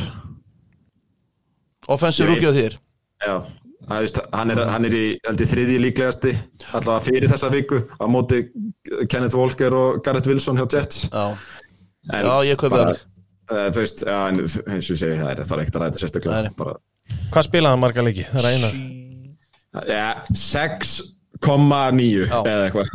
Sjö ég, ég skil hvað hann varst að koma en menn sem spila 6 og halvan leik Ég veit það. versus Það- það er- Garrett er ekki Wilson og þessar strákar sem eru búin að spila allt tímabili. Mér hefur bara alltaf fundist þetta að vera þannig með þetta offensive rookie þér, það er engin og svo síðustu átta leikina þá springur ykkur út og verður þetta. Þannig að þú veist, eins og munið þegar Odell Beckham var allinu geðsjúkur á rookie tímbili og hann vann síðan offensive rookie og er hann spilaði ekki fyrstu fimmleikina sko. Nei, nei. En þetta er, hann má alveg vera í umræðunni. Uh, Commanders þarna er leikur sko Commanders 26 Dallas Cowboys 6 og Og Dakk Sko, var að spila og... eins og illa. Rolla bara. Já, þessi strákar, þetta er bara áhyggju efni Já, gæi, sko Gæin er að eiga næst versta tímabili sitt á ferlinum tölfræðilega séð sko. Já. Og í þessum leik þá áttu þeir 11 drive sem voru 3 and out.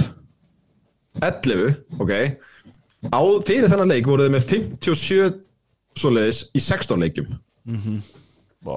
Og, og þetta sko bara þetta er hræðileg þú veist út af því að þeir höfðu í actually eitthvað að spilum. E- e- Já, já, sorry, Halldór þeir hefðu getað lent sem first eða second seed en enda náttúrulega 5 og þetta er hræðilegur endir á, á tímabilinu sko. Þetta er bara, þetta er smá reytar En þetta er ræðilegt hjá Cowboys.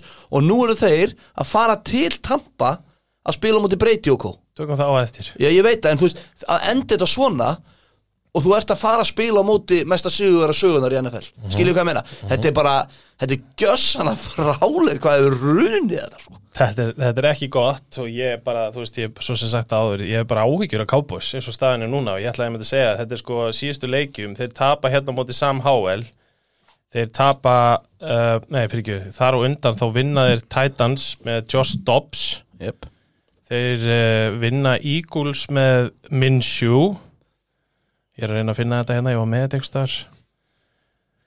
Þeir tapa á móti Jaguars á Trevor Lawrence. Þú veist, þeir vinn ekkit þeir vinn ekki nokkuð skapaðan quarterback, þú veist, þetta er svona sama rönn og við hefum svona nokkur, á nokkur sinnum nefnt hérna, þú veist, Málega sko, þeir jú, náttúrulega þeir eru með slatta sigurleikjum, en þeir spila aldrei á móti leikstjórnanda liðsins. Og fyrir þennan leik, þá voru, við nefndi það síðast að þrýra fjórir leikir þar undan þá voru þið bara með lægsta pressure á QB eða, og lægstu, ekki með eitt sakk eða eitthvað, hvað var þeim vörnina sem var bara, og allt í öllu þetta hjá þeim?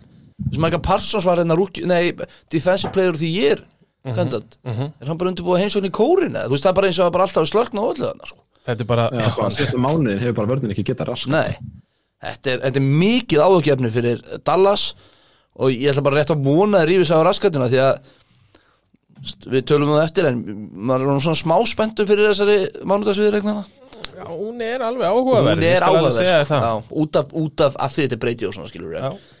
Þetta er bara, þetta er, þeir, eru, þeir eru lið sem að ég hef bara minnsta trú á þannig sé sko af þessum contender liðum sem við vorum að tala um að geta mögulega hýrt Já. fyrsta sæti í NFC og það, það, það er mitt var að það lítar svolítið þetta velkart þú veist það eru, það eru nokkuð liðana sem að hafa bara svona verið einhvern veginn og svolítið svona að trenda í öfuga átt rétt fyrir úslutikefnina Jájá, og við ætlum að fara beint yfir í eitt af þeim. Já, Seattle Seahawks sem að vinna Los Angeles Rams 1916 og uh, þetta var skandal. Drulla sér einhvern veginn inn í playoffsið, þarna er eitt lið sem ég gæti alveg hafa séð fyrir mér skipta út fyrir til dæmis Lions eða Packers. Já, já, sést, eða Lions, úrslitakeppnina. ekki endilega pakkis En þetta máli er að, Nei, ég bara segi fyrir Já, mér ég veit það, ég veit það, en flest hérna- öll önnu lið sko. máli er að dómarannir og nú eins og fram með komist þáttum þá höldum við með pakkarskalli og, og ég var að horfa á hana leik og ég var að vona að, að Seahawks myndi vinna, ég skal viðkjöna það mm -hmm. að því að bara einn backam að þetta var ég bara það er betra að spila á mútið Lions þegar hafa einhver keppa sem er reyndið svo vera ramt en það er bara, veist, eins og ég var að hugsa þetta dómarannir það var eins og þau voru að reyna að láta Seahawks vinna og meira að segja ég pakkismærin hugsaði bara NFL er að reyna að koma að pakkas í playoff sko. Já, já, já. í alvöru, ég hugsa það að því að þú veist, við vitum alveg að reytingið á pakkas er tíu sinnum herra heldur en á Seahawks og, Mhm. og bara öll önnu lið líku í deltinni og það var þarna, til dæmis þarna þegar að hvað, það voru þarna köllstrákar í lokin sem að ég bara var gapandi yfir, sko, þú veist, það var ekki þarna þegar hann hljóp á Ramsey. á Ramsey ú- út af vellinum, flagg á Ramsey uh, þegar að hann tont þegar að hérna, Diggs, var ekki Diggs þarna uh, interception í lokin. interception í lokin. Þykist að rétta hérna Wagner boltan á hliðalínunni sem er allir hinliðinu, ekki tonting þetta er mesta tonting-víti sem ég séð á æfinni uh, svo er eitthvað 20 viðbót sem ég var bara svona, heyrðu, þetta er bara skrítið sko.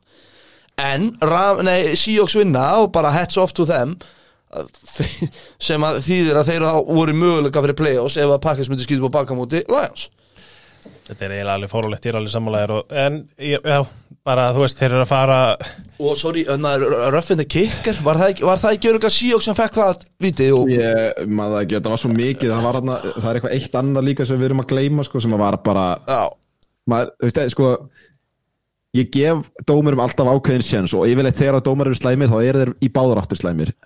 En á, á einu tímúti í þessu leik þá er bara þetta er nú eiginlega bara pínu óþægilegt að horfa á. Já, þú veist, það var alveg á því leveli því að yfirleitt þá kemur svona, þú veist, þá jafnast þetta út á yfir leikin, þú veist, byrjar illa fyrir annar lið og, og svo jafnast þetta út og svona. En í þessu leik þá var ég bara, shit maður, erum við bara í alverinu þarna? Akkurat. Og bara enn aftur, við skulum samt passa okkur að því að tala ekki of niður til síóks Því að, þú veist, at the end of the day Þá gefa þessi sjens á að vera í fara í playoffs sem er fram að björtustu vonum hjá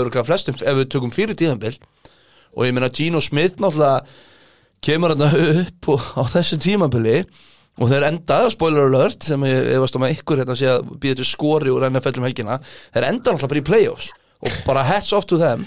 Já, já, á fílgól í overtime samt sko. Vi, Já, samt, ég meina ég við fengum spurningu varandi Gino. Haldið þið að hann verði quarterback Seahawks á næsta ári? Ég er hættur um það. Mér finnst þetta rosa Mér finnst þetta erfiðast spurningin á þessu offsísoni af því að hva, hvert ætlar að semja við Gino Hvað ertu að fara að gefa? Ertu að fara að gefa hann tveggja ára samninga Þú ert ekki að fara í hendi fjögra ára einhverja, þú veist? Ég myndi segja að það væri ekki eðlilegast verandi Seattle með fymta pikkið. Já, þeir eru nefnilega með fymta pikk Já, væri þá ekki eðlilegast að þeir myndu sjá hvað gerist í kortibastöðunni menn ef við horfum á þetta bara hérna með Chicago, Houston og Indianapolis fyrir framann sig það er nú ekkert óeðlilegt að öll þrjú myndu jafnvel taka kortibak segjum að það gerist þannig, þá eru þau komin í fjórða. Segjum að það sé hins vegar þriði kortibakkin væri þá eitthvað óeðlilegt einmitt að Gino tæki tveggja ára samning? Nei, nei. Við erum samt að tala um það að free agency á sér stað fyrir draft. Já, Er það ekki rétt sem ég, jú, jú, ég Jú, held jú, að jú, já, já, er þú- þú- Senna fyrst leikmenn og Ég svo er ekki beðið eftir því ef að, þú veist, Nei, en, þurfa en, að taka en, ákvæmlega með Gino áður en þeir taka já, pikkið. en það er það sem ég er að segja, þá burtséð semur frá þau til því- tveggja ára við Gino og draftar kortibak En, en burtið Já, frá því, síndi það Gino þetta- nót til að þú veist, ég veit að hann geggjaður í byrjun og allt það svo aðeins dalaði þetta og hann var ekki góður í þessum reglindum er hann búin að sína nót til að fá okkur risa samning Nei, það er það sem ég að segja, þú gerir veit það. tveggja ára samning sem er mögulega bara auðvelt að losa sig undan. Og tekur bínu bara Jimmy, Jimmy G leiðin á þetta, setur lands fyrir aftanan eða eitthvað rúki og svo er bara frekar þægilegt að svissa honum út og þá törmin þetta, ég meina hann er ekkert að fara inn í eitthvað, það er þá spurningin um er, er, er, er möguleik á því að hann sé að fara að fá fjögur ára samning eitthvað annars þar, þá fær hann bara að fara, Já, skilur, akkurat, akkurat. Það er bara allt í lagi skilur já, já. og ég menn aftur, þú veist, þeir bara áttu fínasta draft síðast Já, já, ég, og ef þeir hitta þetta draft og þá er bara Seahawks aftur bara svona ég myndi alltaf taka kortibak nummer 5 ef að þriði besti kortibakkin nú þekki ég bara ekki hvernig það nei. liggur þó ég veit ekki, hver er það sem er svona lítill en drullu góður? Er það Strátt eða? Bryce Young Já, Bryce Young En hann er lí líklegastur til að fara fyrstur sko. Já, það þykir mér svo óþægilegt að þetta er svo Kyle Murray dæmi fyrir mér að taka eitthvað ég strumbatna sko en það er allt í lagi en ég menna þá eiga þeir þriðja möguleikan, mér finnst það bara ekkit fráleitt sko. nei, nei. eða þá bara treyta þessu pikki í burtu og gjössanlega Já, Ég- ég, það, ég, það er nefnilega alltaf möguleiki sko. Ég- þeir eru alltaf að fara að enda með pikki eitthvað stærri í kringu 20 já, ég myndi taka QB yfir þeir Ég er sammála því, er algjörlega sammála því Herriði, það hlýtur þá að vera komið gott af þessum leik Förum við uh, elsnögt yfir Eagles Giants. Þetta var bara svona Óþarfi að tala um þurra leik. Já, já, áframgökk erum við alveg þar? Já, jafnlega Já, bara. það var ekkert að, þú veist, jú, jú, Hurts uh, var, Kom tilbaka. leik en, en þeir fá viku frí núna og Giants voru náttúrulega alltaf 6 6 seed og spiluðu ekki störturum þannig að Ég er eiginlega pínu fegin að Eagles og Hurts, Hurts fá eina viku. Ég menn hann spilar aðeins í þessum Ég er, samt, ég er mjög sniðut að láta hann spila samt, að því að veist, því. ég hef bara, ef það hefur fimm vikur síðan að spila síðast, það hefði bara orðið mikil Já, ég er líka sko þetta því að þeir voru náttúrulega í hættu að missa bara first seed. Já, akkurat fyrir utan það. Þeir eiginlega verið að vinna. En þú veist, ég sáu samt að þeir voru að spila um út í varaliði Giants, sko. En, um, sem að náttúrulega Dable er búin að lofa hann myndi ekki gera. Já, Herru Broncos 31, Chargers 28 Guð minn, almáttur Stable, ég, ég var að missa vitið eins og þið kannski tókuð eftir. Já, Bara í hvers skipti sem ég skipti yfir hann leik þá var Herbert inn á. Og svo sá ég Mike Williams vera borin að velli með bakmeðsli og svo sá ég Austin Eckler fá á sig frekar grimt högg. Og, svo sá ég bara í lokin þá út af því að þeir voru bara með þrjá vætri sífra ektiv eða eitthvað, þá var Keenan Allen að spila bara lokasóknina, þó að Justin Herbert hafi verið farin út af og ef það er eitthvað lið í þessari helviti steild sem á ekki vera að púsa sitt meðsla, uh, með, sína meðsla hefni fyrir þetta kannski 49ers, þá er það Chargers. Yep. Brandon Staley er hálfviti, sorry, ég, ég í alveg hann er bara ég, ég, þetta meikar engan sennstrákar aftur, allt í leið, einn og hálfur leiklutli, tveir leiklutli, whatever. Þeir voru fastir í fimmtasætun, er ekki rétt sem er? Fyrir, Jú, út af því, út af því að Ravens töpu já, út af þetta er svo, og svo að sjálfsögðu kemur þetta í baki á honum. Og, me- og Mike Williams, við erum búin að ræða þetta er mikilvægst að leikmæri sóknin þeirra. Þetta er Jenga PC í þessu liði, Þetta er mér er bara að sé það og hann er day to day núna En með bakmeðsli Gattu alla stíði í fótinn, víst, og leiðin út í rútu.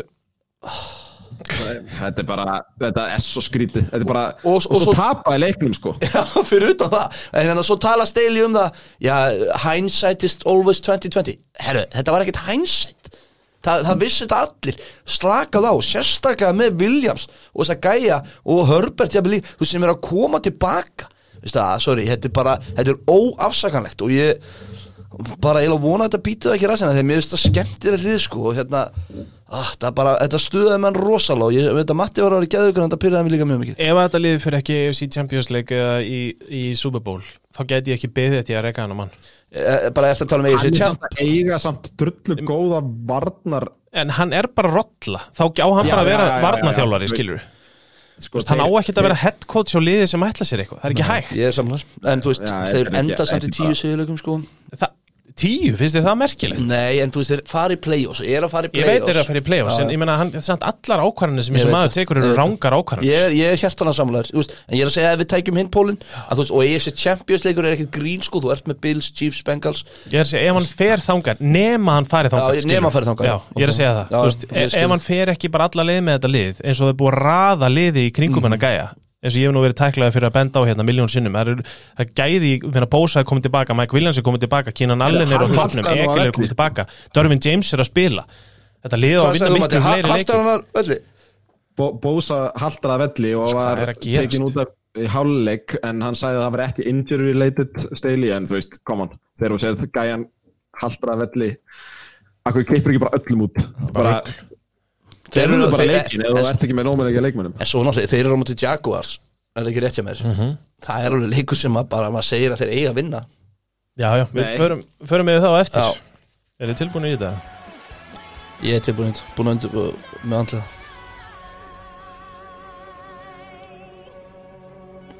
Green Bay Packers 16, Detroit Lions 20 Já, það var glata, þetta lélut maður. Ég sagði eftir, ég horfði náttúrulega á þetta hana og ég sagði eftir fyrsta leikluta og ég sendi og ég meinti það. Ég sendi á spjalla okkar, ég sagði að því að ég var, var með einröðu, ég var búin að vara eitthvað við, var eitthvað við. Það finnst við um að ranta það Já, já. og ég sagði bara, eftir hennan leik þar sem við skorum 6 stig í fyrraháleik á móti lélegustu hún var, þetta er rönguð lélegasta vissulega var búin að vera aðeins uppsett á henni lélegasta vörn í dildinni og við vorum að berjast um þáttökurétt til að spila á móti bestu vörn í dildinni ég hugsaði bara æ, af hverju á ég að vera að stressa með þessu við erum ekki betri en þetta. Mhm. og þetta tímabil ég fór að skoða þess leikina sem við unnum og veist, endum 8-9 við, við spiluðum eiginlega við spiluðum eiginlega eitt góðan leik í vettur og það var á móti Vikings um daginn. Leikinni sem við unnum hinnir voru ekkert sérstakir. Við unnum Bears þarna og eitthvað og mér fannst við bara, jú Miami ég skal gefa okkur Miami leikin, það var gritt þar en þar fær túa heilaristning sem að hugsaðlega bara vinnu leikin fyrir okkur og hérna, þannig að, að og ég meina því ég segja það, ég er ekki bara að segja þetta til eitthvað svona að dempa fallið að Pakkis fór ekki í play-offs. Pakkis áttu bara ekki skilið að fyrir play-offs í ár. Veist, þeir voru bara ekki betri en þetta. Nei. tablan lífur ekki og, og það er bara þannig, það er bara þá áfram gakk og svo var náttúrulega hellingur á áhafur dótarni eins og bara til dæmis að Rodgers leit bara út eins og að vera hættur. Þetta var náttúrulega rosalega að horfa á þetta í lokin þegar að Houston hérna varnamaður hjá Lions kemur að hann og hann um treyjuna Það var ekki Houston, það var hann að ungi strákurinn Williams. það var það Williams, ok Williams, ok. Og byrður um treyjuna og hann segir bara now I'm gonna hold on to this one. Sem er ógeðslega áhugaverð sko. Ég veistu það, ég er ekki að kaupa neitt þessu. Þessi nei. elskar að láta tala um sig og fjalla um sig og þú veist, þetta er bara eitt af því sko. En það var samt að ég finnst það svo, beint eftir leik finnst mér það svo eitthvað svona en það er líka bara, þetta er líka bara beint eftir leik. Í leik sem skiptir öllu máli um það að komast inn í playoffs og eitthvað, það er líka alveg tilfinningar í því að detta út á móti Lions og, og hérna, heimaðalli já, en ekki tilfinningar að hann vilja halda treyjun eftir það Hvað veit maður um þessi Hvað maður hérna er svo, Lions? eins, og, eins og Simon sagði í sínu podcasti Svo kemur ykkur gæði hérna Herru, ég greip þrjá bolt á tjömbilunum að ég fótt reyna hérna? Þú veist, mér varst það líka alveg alveg Nei, ég ætla bara að halda já, þessari. Já, ég skil það alveg en þú veist, ég, ég er ekki búin að hlusta á neitt eftir þetta, ég fór í svona smá, smá Já. en hérna, en aftur ég bara, ég, og ég meina þetta frá bara dýstu hjarta, ég get ekki verið pyrraður eða svektur Nei, nei. að þetta pakkasli fór ekki það það, það var Það var að 100%. að fylgjast með því að það væri séns. Og þess vegna maður að horfa á þetta því að þetta veitir maður smá spennu og svona auðvitað er það skemmtilegt þegar það er eitthvað undir. En fullt kredit til Dan Campbell og, og Pist, uh, Pistons Lions. Hérna, Ekkert kredit til Pistons, en hérna og við rættum það og það var 100% þeim í hag að hafa enga keppa upp á þennan leik. Sjáu þið síðasta playið þegar þið taka flýflikkar Já, það segir gefa hann, gefa aftur út og vinna leikinu don't give a fuck, þeir bara sko. don't give a fuck og við höfum enga að tapa áfranga and ladder hann að Já, Er ykkur saman þó ég spili pínu langt hérna? Það er bara Nei, fyrir Jamal Williams. en hvað er Já. allar ekki teik? Ég ætla að bara, sko, ok, spólum tilbaka síðast off-season. Já, Ok, við erum með þetta pakkislið, við erum með hennan rátisamning, við erum með allt það Núna erum við henni í lokin, við erum með Jordan Love hann líka. Já. Ok, þeir komast núna ekki í play-offs. Spila undir getu bara allt árið. Veist, þeir eru núna feng, og fengu ekkert á árun að sjá eða af Jordan Love, eða no, þar sem því að núna þurfa að taka ákvörðum með 50 year option. Veist, það er eftir þetta tímabil. Með möguleika á Rodgers sé að hætta og skilja eftir sig 41 miljón í kappi sem er ódýrt. Með við, hvað annars sko? með, með, með, þú veist, Já. eða köttan þar á 99 en Já, aldrei er þetta ekki bara ein, eitt risastórt feil þetta, Þessi samningur, 100% sko. Nei, nei, nei, nei, bara þetta tímabil það er bara að stróka það út sem bara risastórt feil Við ætlum að taka okkur smá pásu hérna hérna. mikil vonbriði Býta eins Matti. Smá pása. Já, sko, sko þú, þú talar um feil tímabil. Við erum komin aftur sem sagt. Já. Þú sagðir að við verðum að upp á sig Velkomin aftur. Já, takk fyrir. Hérna, sko, jú, það má alveg segja það. Auðvitað má segja það Við svolítið mistu við besta vætir síður í deildinni frá okkur sem var alveg hjúts í byrjun. Bitu, bitu, bitu, bitu, Því að ég man eftir því að var skrifa sko, að búið til mím, ég fann það í síman, ég var að taka til í símandaginn og þá var sko sagt að þetta væri gott fyrir liðið upp á að vinna titil að missa Adams og þeir gætu resænað aðra gauðra. Þannig að það eða ykkar eða okkar eða hvernig sem við lóra teik var það að það væri í rauninni jákvætt fyrir heildar samsteipu pakkers að missa Adams því að þá gætu þeir resænað aðra. Já, og náttúrulega haldi Rodgers veist, það var þá, ef við myndum sleppa Rodgers sem var komin að 2000 MVP tímabili og það er einmitt tímapunkturinn minn að vörnin klikkar náttúrulega bara í ár. Við eittum næst mest af öllum liðum í vörnin okkar á undirbúinstímulinu og við dettum út og við komist ekki í play-offs skiljum hvað menna Það er náttúrulega fólk og Campbell sem að var frábæri fyrra, var ekki sérstakur í ár. Douglas eins og þú nefndir Matti, þetta var hætta. Hann var ekki góður í ár, skiljum hvað menna Savage í safetyunum, hann er bara hættur að geta eitthvað og veist, þannig að það klikkar, vörnin alveg klikkar. Svo er Rodgers bara veist, hann er ekki eins góður en hann var, það er bara fakt.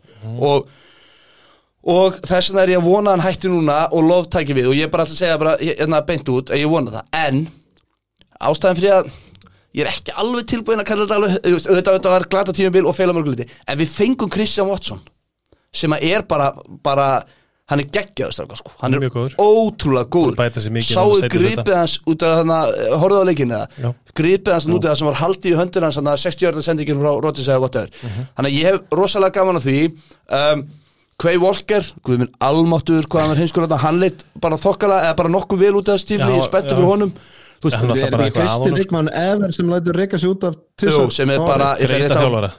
Fyrir íta þjálfara í bæðiskið fyrir ít að þjálfara, já, þú veist, bara give me a break, sko, það er það heimskast sem ég séð en aftur, hann, þú veist, ég ætla nú samt að vona að læra af því, ef ekki þá er hann bara þá er hann heimskast sem hann heimi, þannig að, þú veist, ég er alveg, þú veist, sem pakkist aðdáðandi og ég veit að ég er, ég er alveg þokkilega spenntu, við erum alla sóknarlinu okkar fyrir utan tackle sem að sagt Tom kemur inn þá, alla sóknarlinu okkar, við erum með þrjá unga vætri sífara, Túrið þarna, Dobbs og hérna Watson. Uh, við erum með Jones og Dillon ennþá á kontrakti og ég er að vona að við höldum þeim báðum þó að Jones hækki launum, skils mér. Þú veist, svo ef að Rodgers hættir þá fara 40 miljonir í dead cap á þessu ári og veist, Love, og það sem ég séð að Love þá líst mér ekkit illa á hann en ég er sammála matta að við höfum ekki séð nóg á hannum en auðvitað áttum við ekki að sjá nóg á hann við vorum með þá í play-offs í átjöndu viku eftir þetta Já, það, það, það er einmitt á- ástæðan fyrir að þá var þetta svo ógislega mikið feil út af Yeah. þeir komust ekki, þeir gátt ekki einu sinni come on, sest, sest með niður. Æ, þú veist, auðvitað var þetta tímabili eitt risastótt feil að gerðist ég- allt sem við tölum um að gæti Já, já, verið en- að gerðist Já, skilur ég okkur vanda, má ég klára?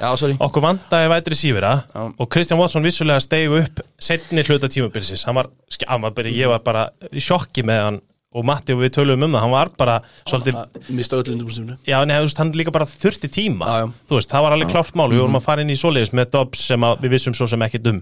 Svo var þetta bara sem að við Ég, ég ekki, veit ekki hvort þú veist að ruggla á mér og matta En við bent, ég bendi á það. Þú veist, Campbell og Douglas Já, já, voru já, góðir í já, fyrra Það er ekkert gefið að þeir bara haldi þessu áfram.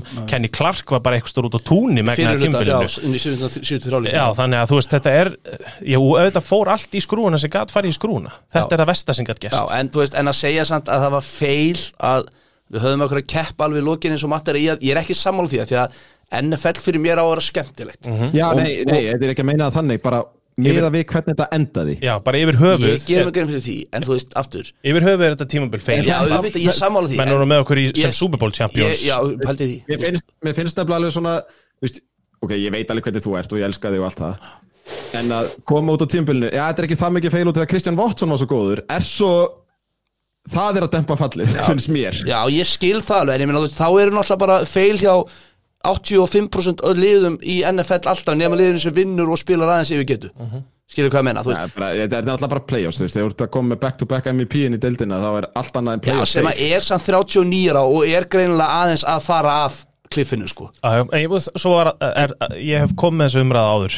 Það skekkir alla umræðu um að menn séu svona góður í kringum færtugt þú veist, þetta er ekkert Brady er upp. já, já, Já, og Brady og já. Allir þessi gaurar Já. eru á, á í kringum 39 ára Já, já. fóruðu fram að klettum. Já, já, og það er ekki þetta að ætlast til þess að leikmenn eldi Brady bara, sem er sannlega að fara að spila bara á næsta tímbili sko. Og þá komum við náttúrulega inn á samningin sem er borgað eins og hann eigi að gera það. Já, já, það er náttúrulega, eh, sko, gúti kunst er ekki minu minn, sko. Nei, Nei, það nei, vegna, sem er eiginlega næsti punktur. Ég var alveg, ég var alveg heimskulega heitur fyrir þessu. Já, Akkur er hann að halda starfi? Akkur er Joe Barry að halda starfi? Galið. Það er galið sem að ég skil ekki og þá er ég búinn ég sko, myndi Og- vilja sjá það báða að fara, persónulega. Og svo er líka farið. fyndið. Bara síðasti punktur minn í samtöðu pakkes ef hann hætti Rodgers þá eru síðustu sex sendingarnar hans. Já, tvær hefnaðar, fjórar incomplete fyrir 12 hjarta og inniheldur game sealing season ending interception at Lambo Mhm. nákvæmlega það sama hjá Brett Favre. Pæli í þessu. Pæli í þessu, þetta það er verður eiginlega að gerast. Þetta er klikkað. Þetta er verður að gerast Ég er alveg sammála með Barry, ég vil að hann fari strax. Ég veit ekki af hverju ég er svona hrifin að gúti, já ekki að vera það En ég, ég, ég, það, ég er ekki hrifin af hann En ég er ekki það að mótur mig vilja að fari.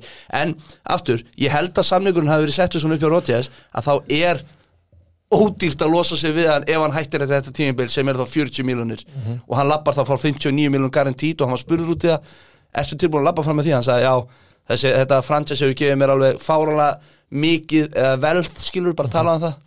En aftur, auðvitað er þetta ekki miskil mig. Þetta er náttúrulega glata tímabili að pakkas En við vorum með spennu einhvern veginn alveg út Ég ég er rosalega spenntur fyrir Væti sífur og maður ég, veist, Æ, fuck it, ég er bara að horfa á þetta og, og já, ég elska það pakkas Já, já, þetta, var- skitt tímbil En ég elska líka Lions Og það er eiginlega tímbili var samt eiginlega ekki hægt að horfa á þetta lið sko. Ég veit það, ég veit Þú veist, að það hafi verið gaman í þrjár vikur sko, þá voru einar það, alveg ég veit það. 15 alveg umulega sko. En, hérna, en Lions er ekkit eðla skemmtilegt liðstakar Og ég er bara ekkit smá spenntur fyrir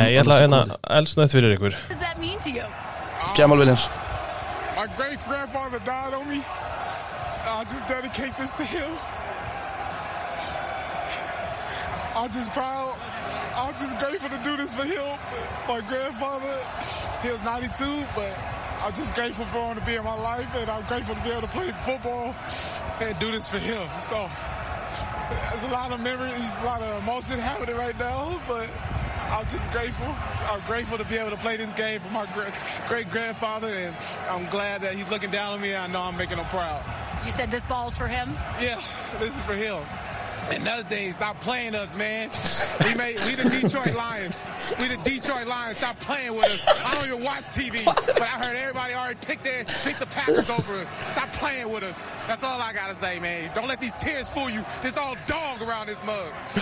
Þessi gæi er náttúrulega bara ekki hægt Þetta er einhver mesti meistari sem gengur og fyrirverandi pakkismæður Við vorum nú hrifnir á hann þar Ég var ekkit eðlilega sorry núna Núna er ég sérstaklega sorry ef við höfum verið enda með Dillon í staði fyrir þannig gæja sko. Var það satt ekki til hann er rúkisamningu Jú, að sjálfsögðu, þú veist, bara svona eftir stendur þetta, sko. Já, já. Þessi viðsnúningur Hann sló met bara í Sanders bæði Já, hjá Detroit Lions. Þetta er, hvað, 16 touchdown eða eitthvað slis 17, já Þetta er ekkert eðlilega nettu gæi. Samtal svona 60 hjarta Já, já. Þessi tilfinningalegi viðsnúningur í þessu Já. viðtali er eitthvað mesta sturlun og ástæðan fyrir ég með langaði til að spila þetta Jamal Williams er En, en kongurinn Matti, má ég spyrja þennu? Af því að nú erum við að fara að tala um playoffsið Vandalega, það er ekki velkarti Ég ætla að vona það. Já. Hvort myndir þú velja Seahawks eða Packers til að mæta sem nænesmaður? Af því að nú fáið þeir Seahawks. Packers. Ég er það ekki, af því að ég hugsaði bara Ef ég verið nænesmaður, þú veist að fá NSC Vest gæja á mótið þér sem að Pete Carroll er að þjálfa NSC Vest leikir geta verið alveg bonkers og nænessi verið með Packers í vasanum undan fyrir nári pljós Ég hef alltaf valið Pe- Packers Ég veit það ekki, þú veist, upp Já, samt ekki Þið eru alltaf að fara að vinna. Síðan sá að skora eitt touchdown á móti 49 í ár sko. ég, ég, aftur, þú veist, það kemur það kemur rosalega mikið óvart ef að Niners vinnur ekki Seahawks en við höfum séð NFC vestleiki sem eru bara einhver algjört bull og Pete Carroll er refur. Ég, eh, aftur, ég hef alltaf valið Packers fram yfir, fram yfir Það er líka, það er líka alltaf skrítið þegar lið mætast í þriðja sinn. Já, akkurat. En já, og, og þú veist, ég veit að við tölum ekki um það áðan með Ravens Bengals en þetta síjókslið er eitthvað skrítið sko. það er bara, það er bara Pete Carroll er búin að vera með skrítið lið svo lengi að þetta er fyrsta er leikur, ekki bara tala um hann Seattle Seahawks já, fara til San Francisco og mæta þar 49ers í vælkart umferðinni á laugardaginn klukkan 21.30, get ég sagt ykkur. Já, þið byrjið, Matti þið, þið kickstartið þetta. Já, ég held að það 49ers hafi fengið þetta timeslot eða þessi leikur út af því að NFL hefur trú á því að þetta verður blowout. Þetta er svona pínu þú veist eins og Bills Dolphins fær líka leðilegasta slotti á sunnudeginum út af því að það er spáð sem blowout líka sko. En ég er bara frekar ég verði eiginlega að vera frekar já, eða, þú veist bjart sér fyrir hennar leik út af því að þó að þú veist Seahawks séu topp 10 lið í DVOA þá er bara 49ers búin að vera bara lang besta lið í DVOA í NFL síðustu sex vikur eða svo. Bara síðan að McCaffrey kom eða og þeir eru með bestu vörnina í deildinni og hvað ég vil segja bara svona eiginlega mest sker í sóknina bara einhvern veginn upp á síðkasti síðasta mánuðin eða svo þú veist, meðan að Chiefs eru niðri og Bills hafa verið svona upp og ofan og Bengals, jú þeir eru mögulega en þessi sókn á að geta valtað yfir Seahawks mjög auðveldlega vil ég bara meina Ég sammála því, eina sko, ég sá um daginn eitthvað svona stats um við sigurleiki yfir 500 liðum, bara þú veist, sem er yfir 500 í dag. Ég held að næna sér 2-1 Já. í sigurleikjum yfir lið sem hafa unnið meir en 50% leikja sinna. Þú veist, þann- þannig að ég veit ekki, ég, já, þú veist, eina sem maður hugsa kannski þegar ef að lið ná einhverju press og pörd í kvortan, en hann hefur bara sínt að hann ræður við það skilur. Þú, mér finnst ógeðslega erfitt að veðja móti þessu nænisliði, saman móti að mæta, sko. það er líka erfiða við þetta Seahawks-lið að Gino á svona köst inn á milli sem maður er bara það er ekki hægt að verðast þessu og, ef, veist, og það er eiginlega einu köstin sem hún nærð á þess að 49 svona bara hvað er í gangi hérna? einhver svona þetta á ekki að vera hægt. Ég veit að AJ Green gerir síðasta leik það ætti að vera penalty en veist, ég nætti ekki að gera mál á því út af því að rústu þessu leik en það er alltaf svona eitt big play sem 49ers virðast fá á sig í leik.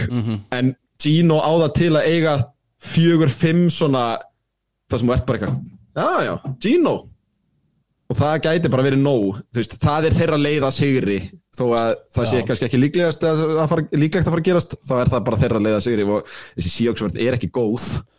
Uh, nei, en hún, en, en, en hún er samt tækifæri sinnar. Þú veist, þegar þeir ná stóru þá er það eitthvað voðastórt En það þarf að vera eitthvað svona þú veist, já, þú veist, spretti er mínus 10 á 49ers Þú veist, við erum að, í play-offs í NFL sko, þetta áveil ekki vera svona hátt. Þetta er nú sem við varum að nefna, það eru helviti mörgliðana sem eru svolítið svona einhvern veginn ekkert allt svo spennandi, en málið er að hérna, ef við skoðum bara NFC það eru bara tvö lið sem við getum sagt að séu góð í dag. Það er bara þannig, það eru bara Eagles og Niners og við erum bara sviknir ef þau, þau mætast ekki í Champions League. Eða sammála því. 100% og bara hinn liðin sem er að koma bara tökum við bara hérna Seahawks við erum með uh, Vikings, Giants við erum Cowboys með Cowboys og Buccaneers. Já. ég meina hinn liðin eru bara á frekar vondum stað einhvern veginn að þannig séð. alveg klálega og þú veist já og, og aftur þess vegna hefði, hefði ég vilja að fá Lions að inn þá hefði verið, þú veist, þeir eru búin að vinna sjö af síðustu nýju leikjum eða átta leikjum eða káleika Sko, Lions 49ers hefði verið bara oh, það verið geðvikt fokkin gaman sko. Og ég hefði reyndar sko öruglega græða með einhver hólu og hlustað á hann. En, en það hefði verið bara leikurinn í þessar umferð. Já Já, já, já, já. En, en allavega við held að við 49ers á lífuna Já, við erum með 49ers á línuna mínus 10 uh, 43 over under. Mhm. og ég mitt bara er einhvern veginn á því að þú veist þetta Lions hefði verið rétt að lið þannig Já, þú veist að spyrja hvort hefur vilja pakka sér að Seahawks. Já, ég hefði viljað Seahawks. Mér finnst galið að sé að pakka sér þarna því að pakka sér allavega já. Já, hefur við viljað með frekar en pakkas já, ég veit ekki þú veist þetta, þetta Seahawks lið er ekkit búið að vera á okkur brjáluðu rönni Nei, sko. ég, ég eina sem, mér veist hvort þeir skrýða inn í play-offs og Ég móti ve- ömurlegu ramslið í, í, í overtime sko. Mér veist sko hvort lið eiga sjens í nænes, ekki miskilum mig Nei, nei. En út af þessum NSC Vest eh, vinkli Mhm. og bara síðan ég byrja að horfa á NFL þá er ykkur hluta vegna NSC Vest alltaf verið eitthvað svona fáranlega leikir já, já. var ekki 50-0 eitthvað þegar Legion of Boom hérna tók bara við keflunu af nænes maður tímati. Það var 2000 og eitthvað 13-14 skiptir ekki veist, Já, það var einhver auka bust sko. Já, veist, mér- bara eins og segi, bara síðan ég byrjaði að horfa þetta þá hefur NSC Vest alltaf verið en aftur hvað er þess að liða ég að sensi í ég, Þetta er alveg þannig að ég græt ef þeir tapir sér sko. Já, já, Já, ég meina, þeir, þeir tapis ekki, hafið þið ekki ágjur af því og setju aðleguna bara á 49ers eða getið það? Og ekki endilega stíin en bara, þú veist, eða getið tísað þetta eitthvað niður sko, ég meina, þeir eru að fara að steikja þetta síjóksli það er bara, ég er 100% að því, ég meina, það er vördin og síjóks er frekar slög, þeir eru að fara þetta á bakin og Kenneth Walker basically á meðan að Gino er í einhverju slömpi, ég meina, Gino ég- kasta tvö interceptions í síðasta leik, það er ekki eins og hann sé okkur rönni og ég meina, Metcalf er einhvern veginn bara, þú veist, ég með hann í fantasy sko, Guð bless hann, hann gerir ekkert fyrir mig þannig að þetta er bara frekar erfitt sko. Seitileikurinn á laugadaginn er hins vegar var þetta ekki komið gott? Jú, frábært bara. Jacksonville Jaguars fara til Los Angeles mæta þar uh, Chargers mönnum. Þetta finnst mér alveg Nei, nei, nei, nei, þetta er í, þetta er í Jacksonville. Er þetta, Já, Þeir sorry, sorry. Já, það er ok. rétt, er ég les bara það sem er fyrir fram Já, mér bara- Já, ég, ég skeit, ég skeit Byrjum með bá nýtt eh, Los Angeles Chargers skiptir svo sem einhver máli hvar þeir spilaður alltaf á útivelli. Fara til Jacksonville mæta þar Jaguars liðinu. Uh, Við segjum eftir farandi Biggi segir Chargers, ég ætla að segja Jaguars Hjalti var með Ulf, Matti segir Jaguars Valur segir Chargers. Ég horfi bara mjög einfalt á þetta. Uh, Ef að Mike Williams er meittur, ef að Joey Bosa er eitthvað tæpur þá eru Chargers bara í vandræðum bara yfir höfuð Samanlega og Doug Peterson er, ég veit að það finnst öllum óa að fyndi að gera grína þessu gæja en hann er samt Super Bowl winning gæja sem hefur gert þetta allt saman áður. Refur. Og hann getur alveg kveikt undir einum wildcard-leik hirtan og dottis út í næstu Ja, viku sko. klálega, alveg klálega. Ég meina að Chargers það- er mínus það 1 var- ég, man ekki hvað podcast það var, það var að tala um að það er örugglega engin, það er fáir þjálfari að pirranda að skíma móti á Peterson. Því að hann er svo pirrandi veist, hann er vist svo pirrandi playcaller fyrir þig sem defensive coordinator að díla við út af því að hann bara svona finnur eitt stað og svo bara jöðar hann á honum þá að þú ert bara orðin brjálaður Já. og þú getur ekki stoppað og hann, hann er mér alveg saman átt hann kólið sama playið áttasinnum í röð með mismunandi útliti hann bara mun kroppa í sárið þitt þá getur að fara að blæða úr því og þá hann kemur sýking og hann getur að vera ör sko. og það, það geti alveg og eins og Chargers er mínus einn favorite sko. Já, mitt, þetta, þetta verður jafnlega, þetta, þetta er svona fyrirfram kannski mest spennandi leikurinn svona hvað jafnbæðið að vera sem segir mér mörgur um þessa umferð. En hérna, svo er líka bara annað ég menna sálfræði þátturinn fyrir Chargers eða missa Williams út af þessu heimsku ákvörðin þjálfara sinns hún gæti alveg haft áhrif á liði algjörlega. Og bara þú veist, heyrðu, bara hvað þú veist, við erum, við erum án hérna hættulegast af vopsus okkar undanfærna vikur. Út af hverju, að því við vorum að spila í átundur fyrir leik sem við töpum sem skiptir ekki máli. Með gæja sem er búin að vera út og inn úr liðinu allt helvítist tímabil. Já. og ef við tökum bara hérna DVOA baráttuna þá er þetta sko Jaguars 13 Chargers 18 Já, þannig að yfir tímabilið hafa samkvæmt DVOA allavega Jaguars verið betri. Og það er einhver svona uppsveifla og Chargers eiginlega, eru bara búin að vera einhvern veginn í sama liði núna í mánuð, bara fundu sig einhvern veginn og komast í play-offs en það er alltaf eitt brainfart inni hjá Chargers einhvern veginn, þeir eru ekki búin að Chargera yfir sig svo lengi að það er einhvern veginn núna er það svona eins og interception hjá Jimmy. Nú er þetta einhver staðar svona bak við hausinn á þeim að mæta. Já, já, en þú veist, já.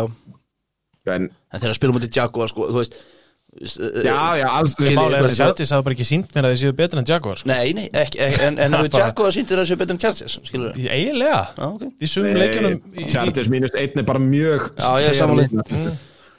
Ég var ammalið annars okkur bæði, á lögadaginn Þannig að ég er mjög ánæður að pakka sig ekki spilum Þannig að við verðum allir hjá þér.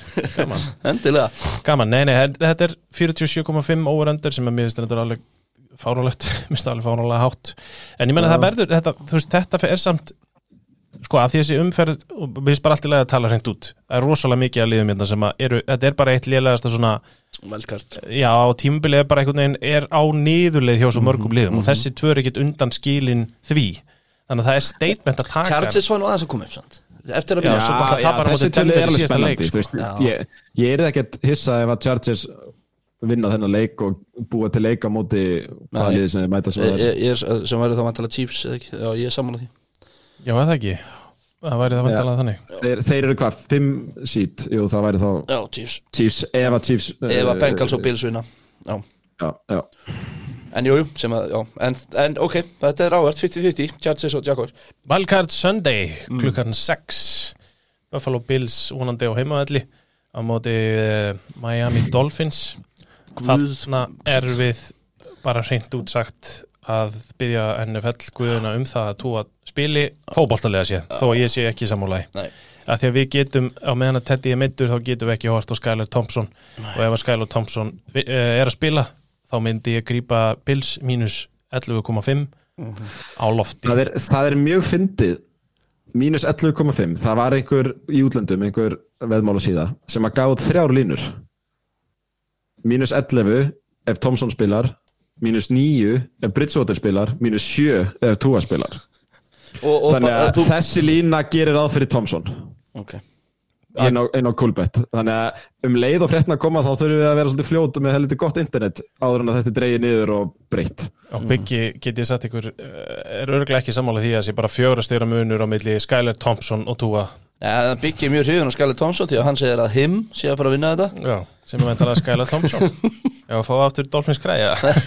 Eh, Við erum alltaf með Bills nema byggja, hann er með Dolphins. Já, já, ég meina B- Bills á heimaðalli þessari stöðu er bara ég held að ég bara meina, sko, Sean sko. McDormand ætti náttúrulega bara að vera rekin ef hann tapar á móti Thompson Já, er að, já, Thompson, já. En þú veist, þegar að tú var að spila mútið Buffalo um daginn þá Já, voru þau það drullu er góð allt annar fótballtalegur sko.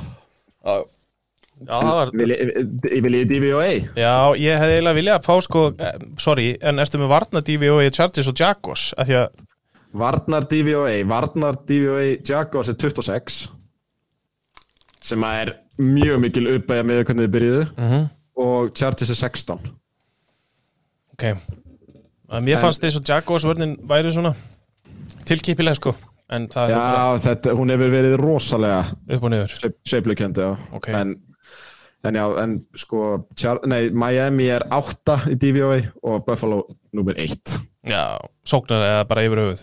Yfir höfuð. Overall, já, En það er, þú veist, upp á síðkastið er Miami dottin í 12.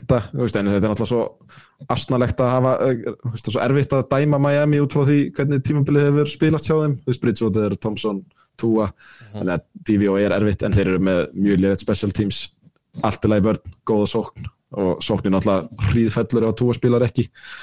en er ekki, það er líka alveg talking point í þessu bara vanandi Josh Allen sem er bara búin að vera ég veit ekki, hann er bara búin að vera fyrir eitthvað svona eitthvað svona eins og gamli Allen, þú veist, bara Það- það, eru það- red zone það er- interceptions í honum bara Já.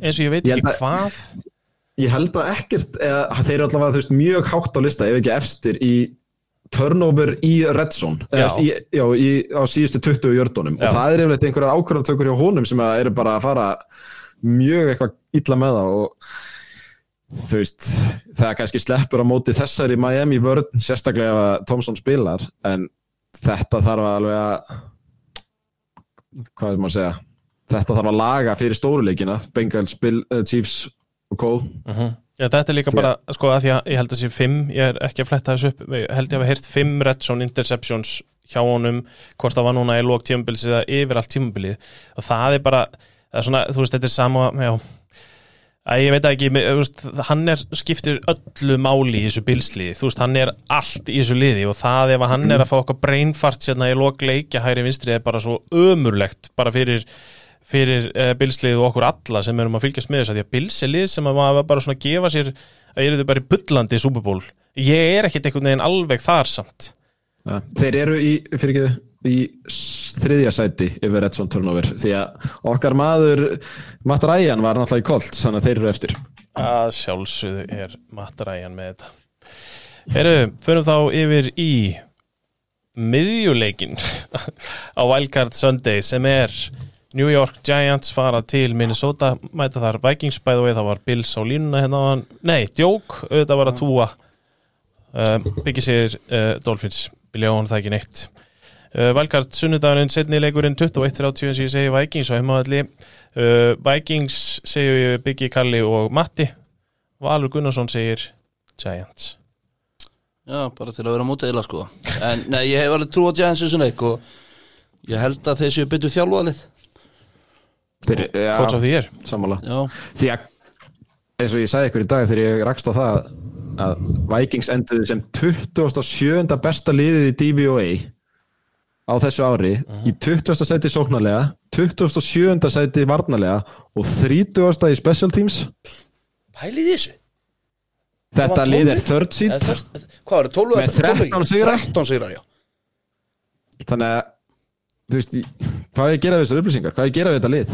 Þú veist, er þetta bara svona ég sagði reyndar heldur síðast þetta ég er bara búin að samþykja það að þeir eru bara outlier sem meikar ekkert sens og það er ekkert vist að við sjá- sjáum bara svona lið aftur. Og meðan að Giants er í 21. sæti þannig að þetta er, línan er mínus 3 á Vikings. En ugh bleh. En er þetta eitthvað, þú veist, er, er alveg Jú, ok, ég er ekki að fara alveg þangað, en jú, þeir vinna 13 leiki.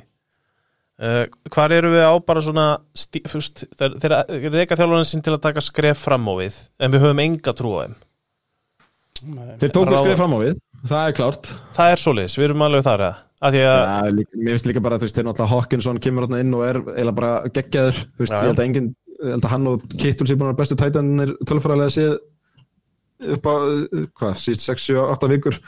Þannig að, þú veist, jú, jú, þeir taka skrif upp og við og, En ég er ekki og endilega að tala um sóknarlega samt, Matti, sko, að því að hlaupaleikurinn hjá þeim er gjössanlega í klósettinu. Ég hef engar ágjörð því að Hawkinson og Jefferson sé ekki bara e- eitt, besta duet, eitt besti duetin í deildinni.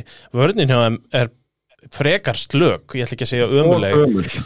Og gömul, að ég veit að ekki einhvern veginn, þú veist, finnst mér Sko málið er sko, þeir, þeir, þeir langar ekkert að hafa trú á þeim en bara ef þú ert með 11 leiki þessum og vinnur hann og slefa þér yfir eh, fleiri stigaldur en anstæðingurinn saman hvað liða var á móti þá er bara eitthvað svo erfitt að diskredita þá og vannverða þá því að þetta er þetta er alveg djúfisins árangur já, já, Já, já, já, Það, það er ekkert svo erfitt en, en þetta, þeir voru alltaf að fara að taka skrif fram að Mike Zimmer æfintýri var bara búið í fyrra. Þannig að Connell kemur á ágættis tíma inn í þetta líka. Mhm. og, og nær eins og segi 13 sigrum. Sóknir á þeim er góð. Já, mér finnst Cousins bara Cousins að vera vannmeti en hann bara Já, mjög góður. Já, já. og náttúrulega Jefferson bara, veist, eins og hann er. En ég samlega með hlaupalegin mér Dalvin Cook bara einhvern veginn Nei og svo var ég að horfa útsendinguna og þeir voru að reyna það var einhver sem sagði þar að Alexander Mattisson gæti alveg verið ásinn í ykkur öðru liði ég bara, mér langaði að ringja út og spyrja hvort það var ekki allt í lægi sko. einmitt, einmitt. hvaða lið er að fara að vera með hann sem nummer eitt hjá sér það er sér að vita það svo ertu með Giants einu megin, þú veist ég er miklu svona, sko, þeir eru allavega eins og þú segir þú veist, þar ertu með lið sem er að fara þetta bara á gritt sko, já, já, og bara góða þið Frábærlega þjálfaðir. frábæraðna og, og enga vætri sífera gerðu náttúrulega vel í því held ég að kvíla bara það dæmi. Já, já Og að Daniel Jones að endur einhvern veginn líka ferilinn með Deibull og það er eftir með hlaupaleik sem er í góðu lagi. Hlaupa líka í góðu leið, skramblandi QB ég bara, mér líst betur og betur á þetta pikk mitt hérna. Já, ég er alveg samúlæðir þó svo að ég held að Vikings takir að leik bara því ég held að sóknin hjá þeim sé bara ofgóð Já, er og það er þó allavega líkur á því að Dalvin Cook geti gert eitthvað í playoffs. Menna, það var í kemmer, ég var ekki takan í gólfi eins og segir við erum með playoffs Dalvin hérna sko en, en ég veit það ekki. Vikings mínus 3, 48,5 over under. Það snerti ekki þennan leik. Samanlega því. Það er bara svo lis uh, Sunday night á Wildcard sunnudeginum er Baltimore Ravens. Þeir fara til Cincinnati Bengals. Þetta bara stendur og fellur að öllu leiti á Lamar Jackson. Það er bara svo lis, ef hann spilar ekki innan leik þá tekið Bengals mínus 6,5 Mér grunar að þessi lína hlýtur að baka inn í að Lamar sé að spila. Það er bara, ég, ég eiginlega neita að trúa öðru því að Bengals ætti að vera með herri mínus ef þetta er Tyler Huntley eða Antonio Brown eða hvað sem hann heitir sem er hann þriðji, mér er sko að gleyma hvað hann heitir en Já, Anthony Brown ég. Já, þú veist ég veit ekki svona, já vörnin hjá Ravens er góð hún er góð. og ég sá eitthvað svona greininga á þessum leik fyrir daginn að ekki að klára það en Ravens vörnin næra ruggla í, Burrow hún hefur gert það bara síðan að hann kom inn í deildina. Þeir eru með eitthvað taka á honum sem veist, ég náði ekki að sjá af hverju en þeir ná einhvern veginn að fela coverage sitt eitthvað bla bla bla bla bla. En þeir geta rugglað í honum þannig að það þeir eiga séns varnarlega séð. En ef þetta endar í einhverju blowouti eða low scoring game þá held ég að bara talenti sóknarlega á Bengal sé bara allt, allt, allt og mikið Já. fyrir uh, félaga hans hann hinum meginn ég er samanlega því en líka vörnin á Bengals er líka heldur ekki léleg sko. Nei, hún er bara Nei, hún er bara fínast á vörð sko. Já, og þú veist, þeir, þeir eru alveg með svolítið allan pakkan, þeir eru kannski ekki með elitu, elitu vörn, en þeir eru með mjög bara góða vörn.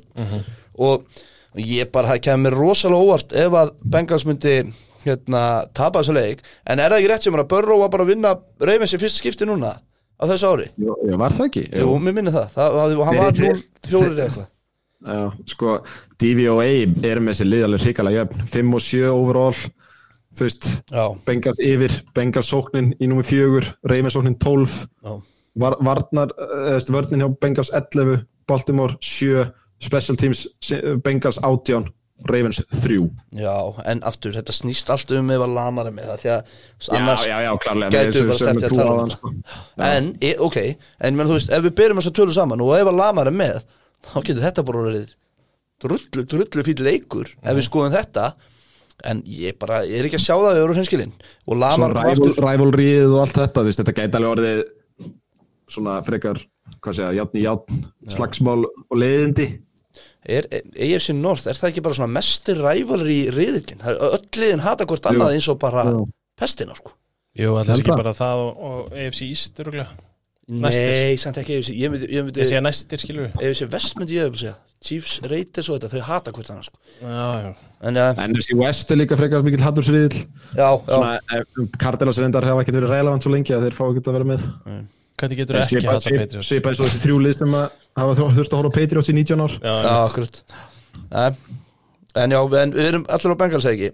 Það er Bengals á línuna, jú, jú, ég held að það sé annað væri glabræði að öllu leiti. Síðasta leikurinn, Wildcard mánudagurinn, klukkan 01.15 Dallas Cowboys fara til Tampa Bay sem að sjálfsögðu unnu sinn glæsta riðil.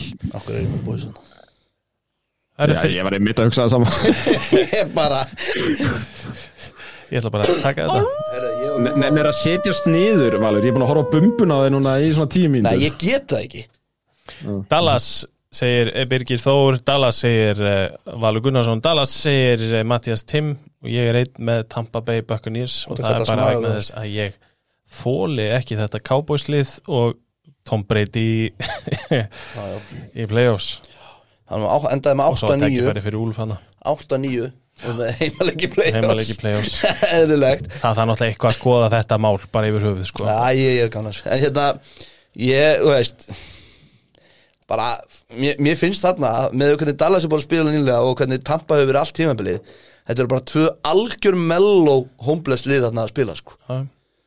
og það gæti bröðið til begge átta en það kemur samt ekkit á óvart einhvern veginn að Tampa myndi bara taka þá bara, Nei, ég bara engan veginn þú veist, bara taka þá bara gjössamlega sko. Þú veist, ég hefði verið þú veist, ég skil Cowboys mínus þrýr línuna ég hefði skilið Bucks mínus þrýr Já, málega er samt, jú, það kæmi mér óvart að því að bara með það sem ég séð af tampaði vetur. Ég hef ekki séð það í fimm vikur. Nei, mér, mér finnst þið bara, bara með lélega hlið en ég er aftur, ég er að segja, þú veist, að núna er Dallas bara ykkur neginn að trenda í kolvillus átt, Já. þannig ég skil það alveg en bara ég bara, ég hef ekki séð það, Það er ekki bara Dallas, það er vörnin hjá þeim er að Dallas eins og við tól, tölum, tölum um máðan Dak Prescott, Prescott, bara já. lítur ekki sérstaklega vel út, hann er að gera hræðileg mistök og þú hérna röltina hans fram. Við vorum að tala um Josh Allen og hvernig hann er svona búin að vera einhvern veginn upp og niður og vera brjálað að gera hjá honum í að kasta boltanum í endsóni á vittlusa leikmenn. En þú veist, það er einhvern veginn ekkert á uppleið hjá Cowboys, ég er ekki að segja Tampa Bay sé snilda leið, en maður er bara einhvern veginn þeir eru það vel mannaðir að það er kannski eitthvað í því að klappa þeim aðeins áfram sko.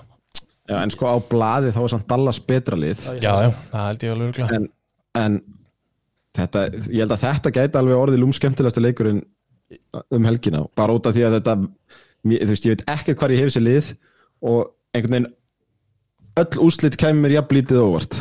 Sko, mér, mér, ég er spenntastu fyrir þessan leik, ef ég voru hinskilin um helgina, að, náttúrulega breyti effekt hefur náttúrulega alveg það og líka bara eh, ég bara, ég eiginlega hlakka til að sjá hvaða tampalið mætir, hvort að að því að vörnir var aðeins farin að trenda í rétt áttu heima rétt, þú veist, en ég er bara búin að sjá svo lítið en svo er þetta play-offs. Og hvaða breyti er að fara að koma og hvaða tampalið er að fara að koma í play-offs? Svo er líka vannmetið, þú veist, er búin sko, það, þeir eru ekki einu sinni í sama flokknum fyrir mér, það hefur alltaf verið að segja að Rodgers og Brady eru búin að vera svona. Já. Brady er búin að vera miklu betri heldur en Rodgers svona heilt yfir á þessu tímubili miklu betri, sko Já, og Ég ég er er, ég sammála. er því, ég er sammála því en það þýðir satt ekki að hann hefur góður. Nei, að því að þetta startans er svolítið að ljúga okkur sko. svo að því sé alveg haldið til haga.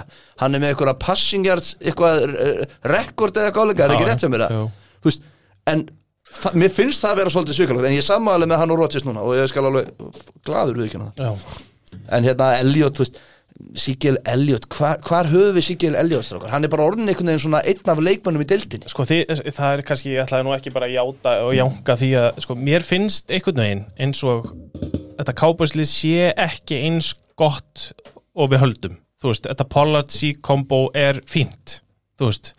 Þeir eru, vætri síverðinni hjá þeim eru, það er eitt góður svo va- vantar svolítið mikið, sóknarlínun hjá þeim er einhvern veginn upp og niður, Dak Prescott er í tómu brassi, varnarlega eru þeir með rosalega góða leikmenn, en eins og Vanderes er bara búin að vera meittur svolítið, Já, hann er bara ekkert búin að vera að spila.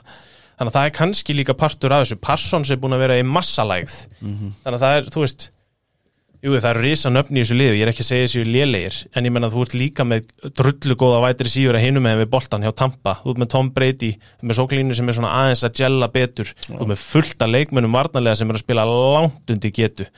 Þannig að ég veit það ekki, sjáum til ég er ekkit viss um að Dallas er mikið betur manna lið sko, ég var að vera alveg hinskilin Nei, og Evans er hans að kvikna á honum líka og svona sko en já, já, Já, litla ruglið í hann að næst síðustu vikunni.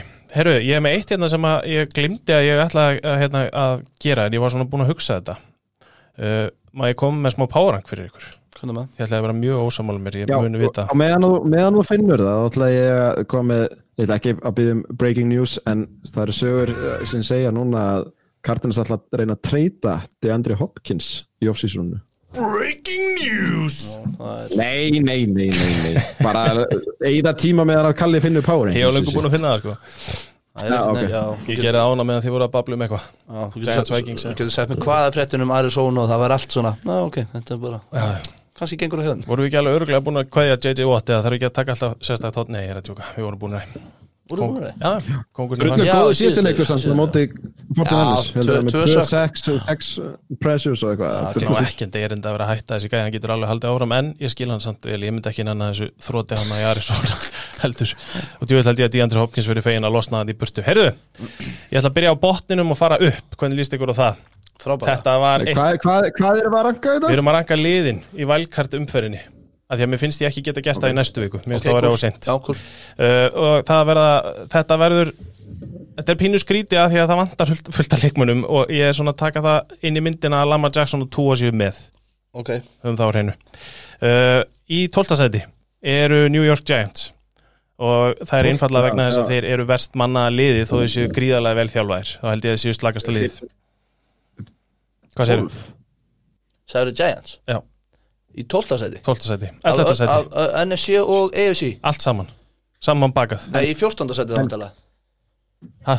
Hvað segir, er þetta ekki wildcard umfyrin? Jú, er ég að gera mistök Það eru hérna? 14 liði sko. Já, já, þú veist að, þú veist ekki að hafa Chiefs og Eagles með Nei. Jú, hverjum er ég að gleyma hérna?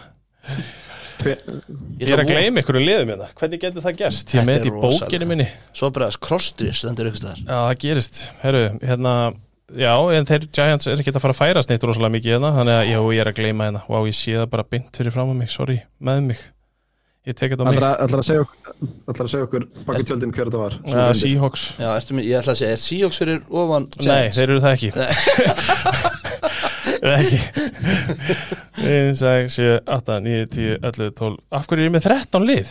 Þetta er að fara út um Þetta er að fara í með þetta, við skulum, þetta er svona líka leikur, samkvæmistleikur, við ætlum að finna liðið sem við glemdi liðið sem glemdi Giants eru þá í í, í 12. sæti Já. af því að vantar eitt lið uh, Í uh, 11. sæti er Tampa Bay 13. Seahawks í 13. það vantalega, Já, Seahawks neðstir, svo kemur Giants, svo koma Tampa Bay Ok, uh, Fyrir ofan Tampa Bay eru Minnesota Vikings Fyrir ofan Minnesota Vikings eru Cowboys og haldið ykkur þetta eru 1, 2, 3, 4, 5 NFC í röð.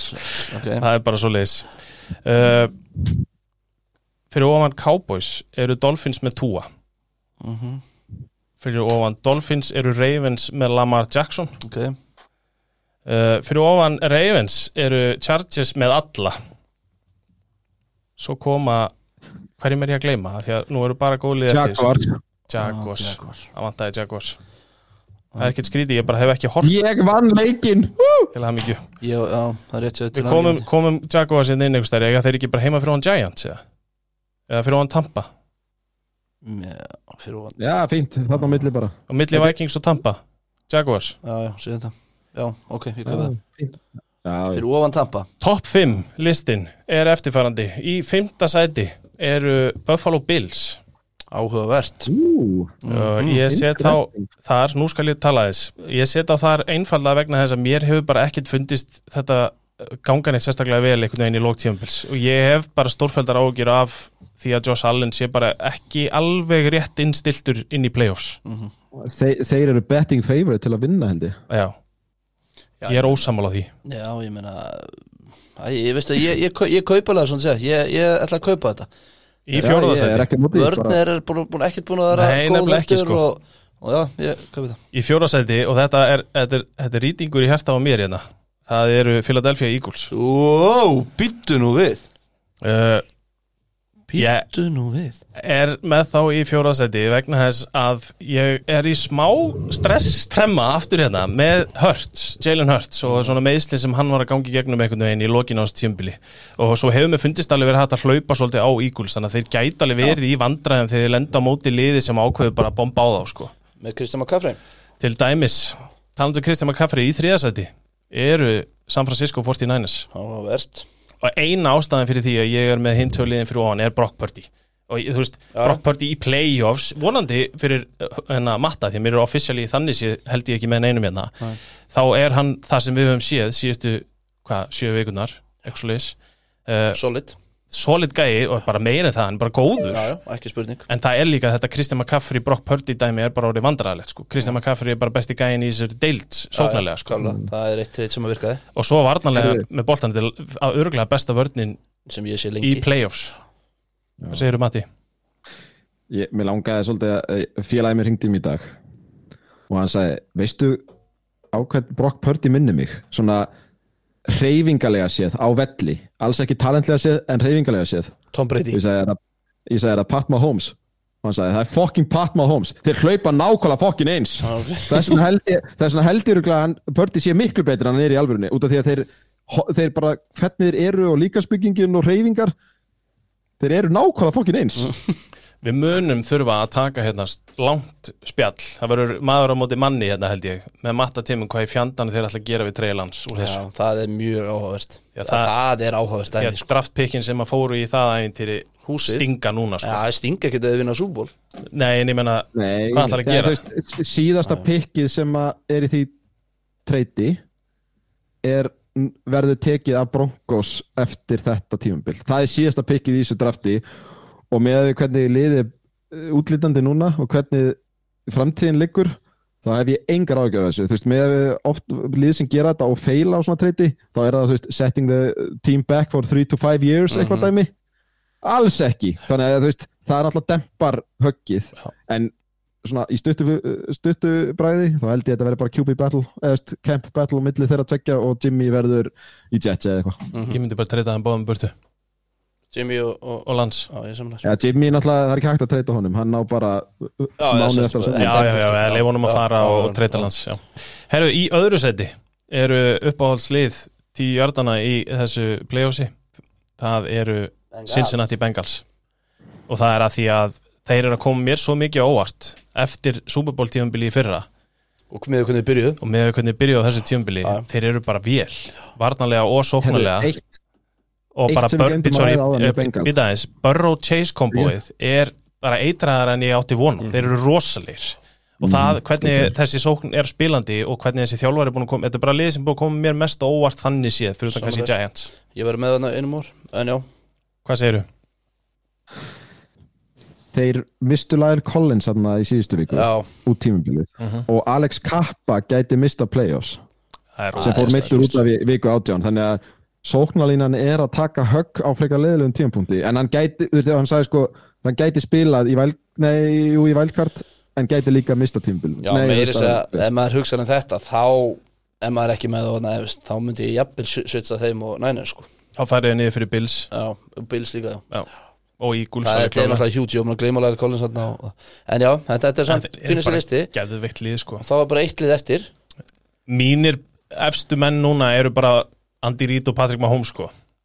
Það er Já. bara einhvern veginn staðan er bara þannig að ég hef ofbáslega trú á því að þeir komi á okkur massa rönni inn í playoffs, mér finnst þeir búin að vera þú veist að spila leiki bara til þess að þeir eru bara að býða eftir að komast í þann stóra sko. ég, ég veit að ég, það er eina sem að hræði mig er einmitt að mér finnst þau eru búin að vera með uh, fótinn svo af bensíkjöfunni svo Já. langan tíma. Að þeir það hræði mig smá. En þeir eru samt, þú veist, þeir eru í fyrra töpuðu þeir leikjum stundum, þú veist, Já. það voru bara í tómu brasi þeir hafa ekkert verið eitthvað að koma tilbaka. Þeir eru bara lull í gennu leiki og vinna þú veist, bara svona þokkala þægilega. Já, já. núna hef ég bara einhvern veginn trú á því að nú fá þau viku, koma tilbaka. Þetta lið er svakalegt sko. ég, ég meina þú veist, samkvæmt PFF eru með topp 5 vörn og Já. bestu sóknuna Já, það hefur ekki gerst áður. Já, hérna, ég laug á þann. Stuðlarnir á breytust náttúrulega eftir viku átján. Uh, Chiefs eru líklegastir, Bills í öðru Eagles þriðja, 49ers fjóraða Bengals fymta og svo okkar allra bestu Dallas Cowboys það er náttúrulega bara eitthvað mest að þvæla sem ég hef Ég séð segi, þetta er bara samt sem við erum búin að segja þetta, þetta velkart er svona svolítið svona trenda já, algjörlega. En Chiefs er efstir í mínu powerranki. Ég það. Finnst þeir vera besta liðið hérna. 100% 100 pros Herru, eru við þá ekki bara góður í dag? Við erum góður, þeir eru fóru í rúma 2 Já, það? Já, það er mér að kenna. Er þú með lag eða? Nei, ég var ekki með neitt lag, ertu með laga?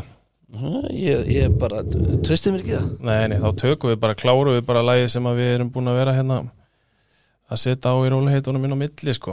Við erum eitthvað sérstakar á að gera því, sko. Nei. Já, það kemur það, þetta er gott. Ef að taka eitthvað sem er magna, eða? Nei, nei. Herri, kæru hjartar, verið velkomin í Playoffs, við erum komin í vælkartið Keiluhöllin. Keiluhöllin, takk ég nokkra bóla með ykkur.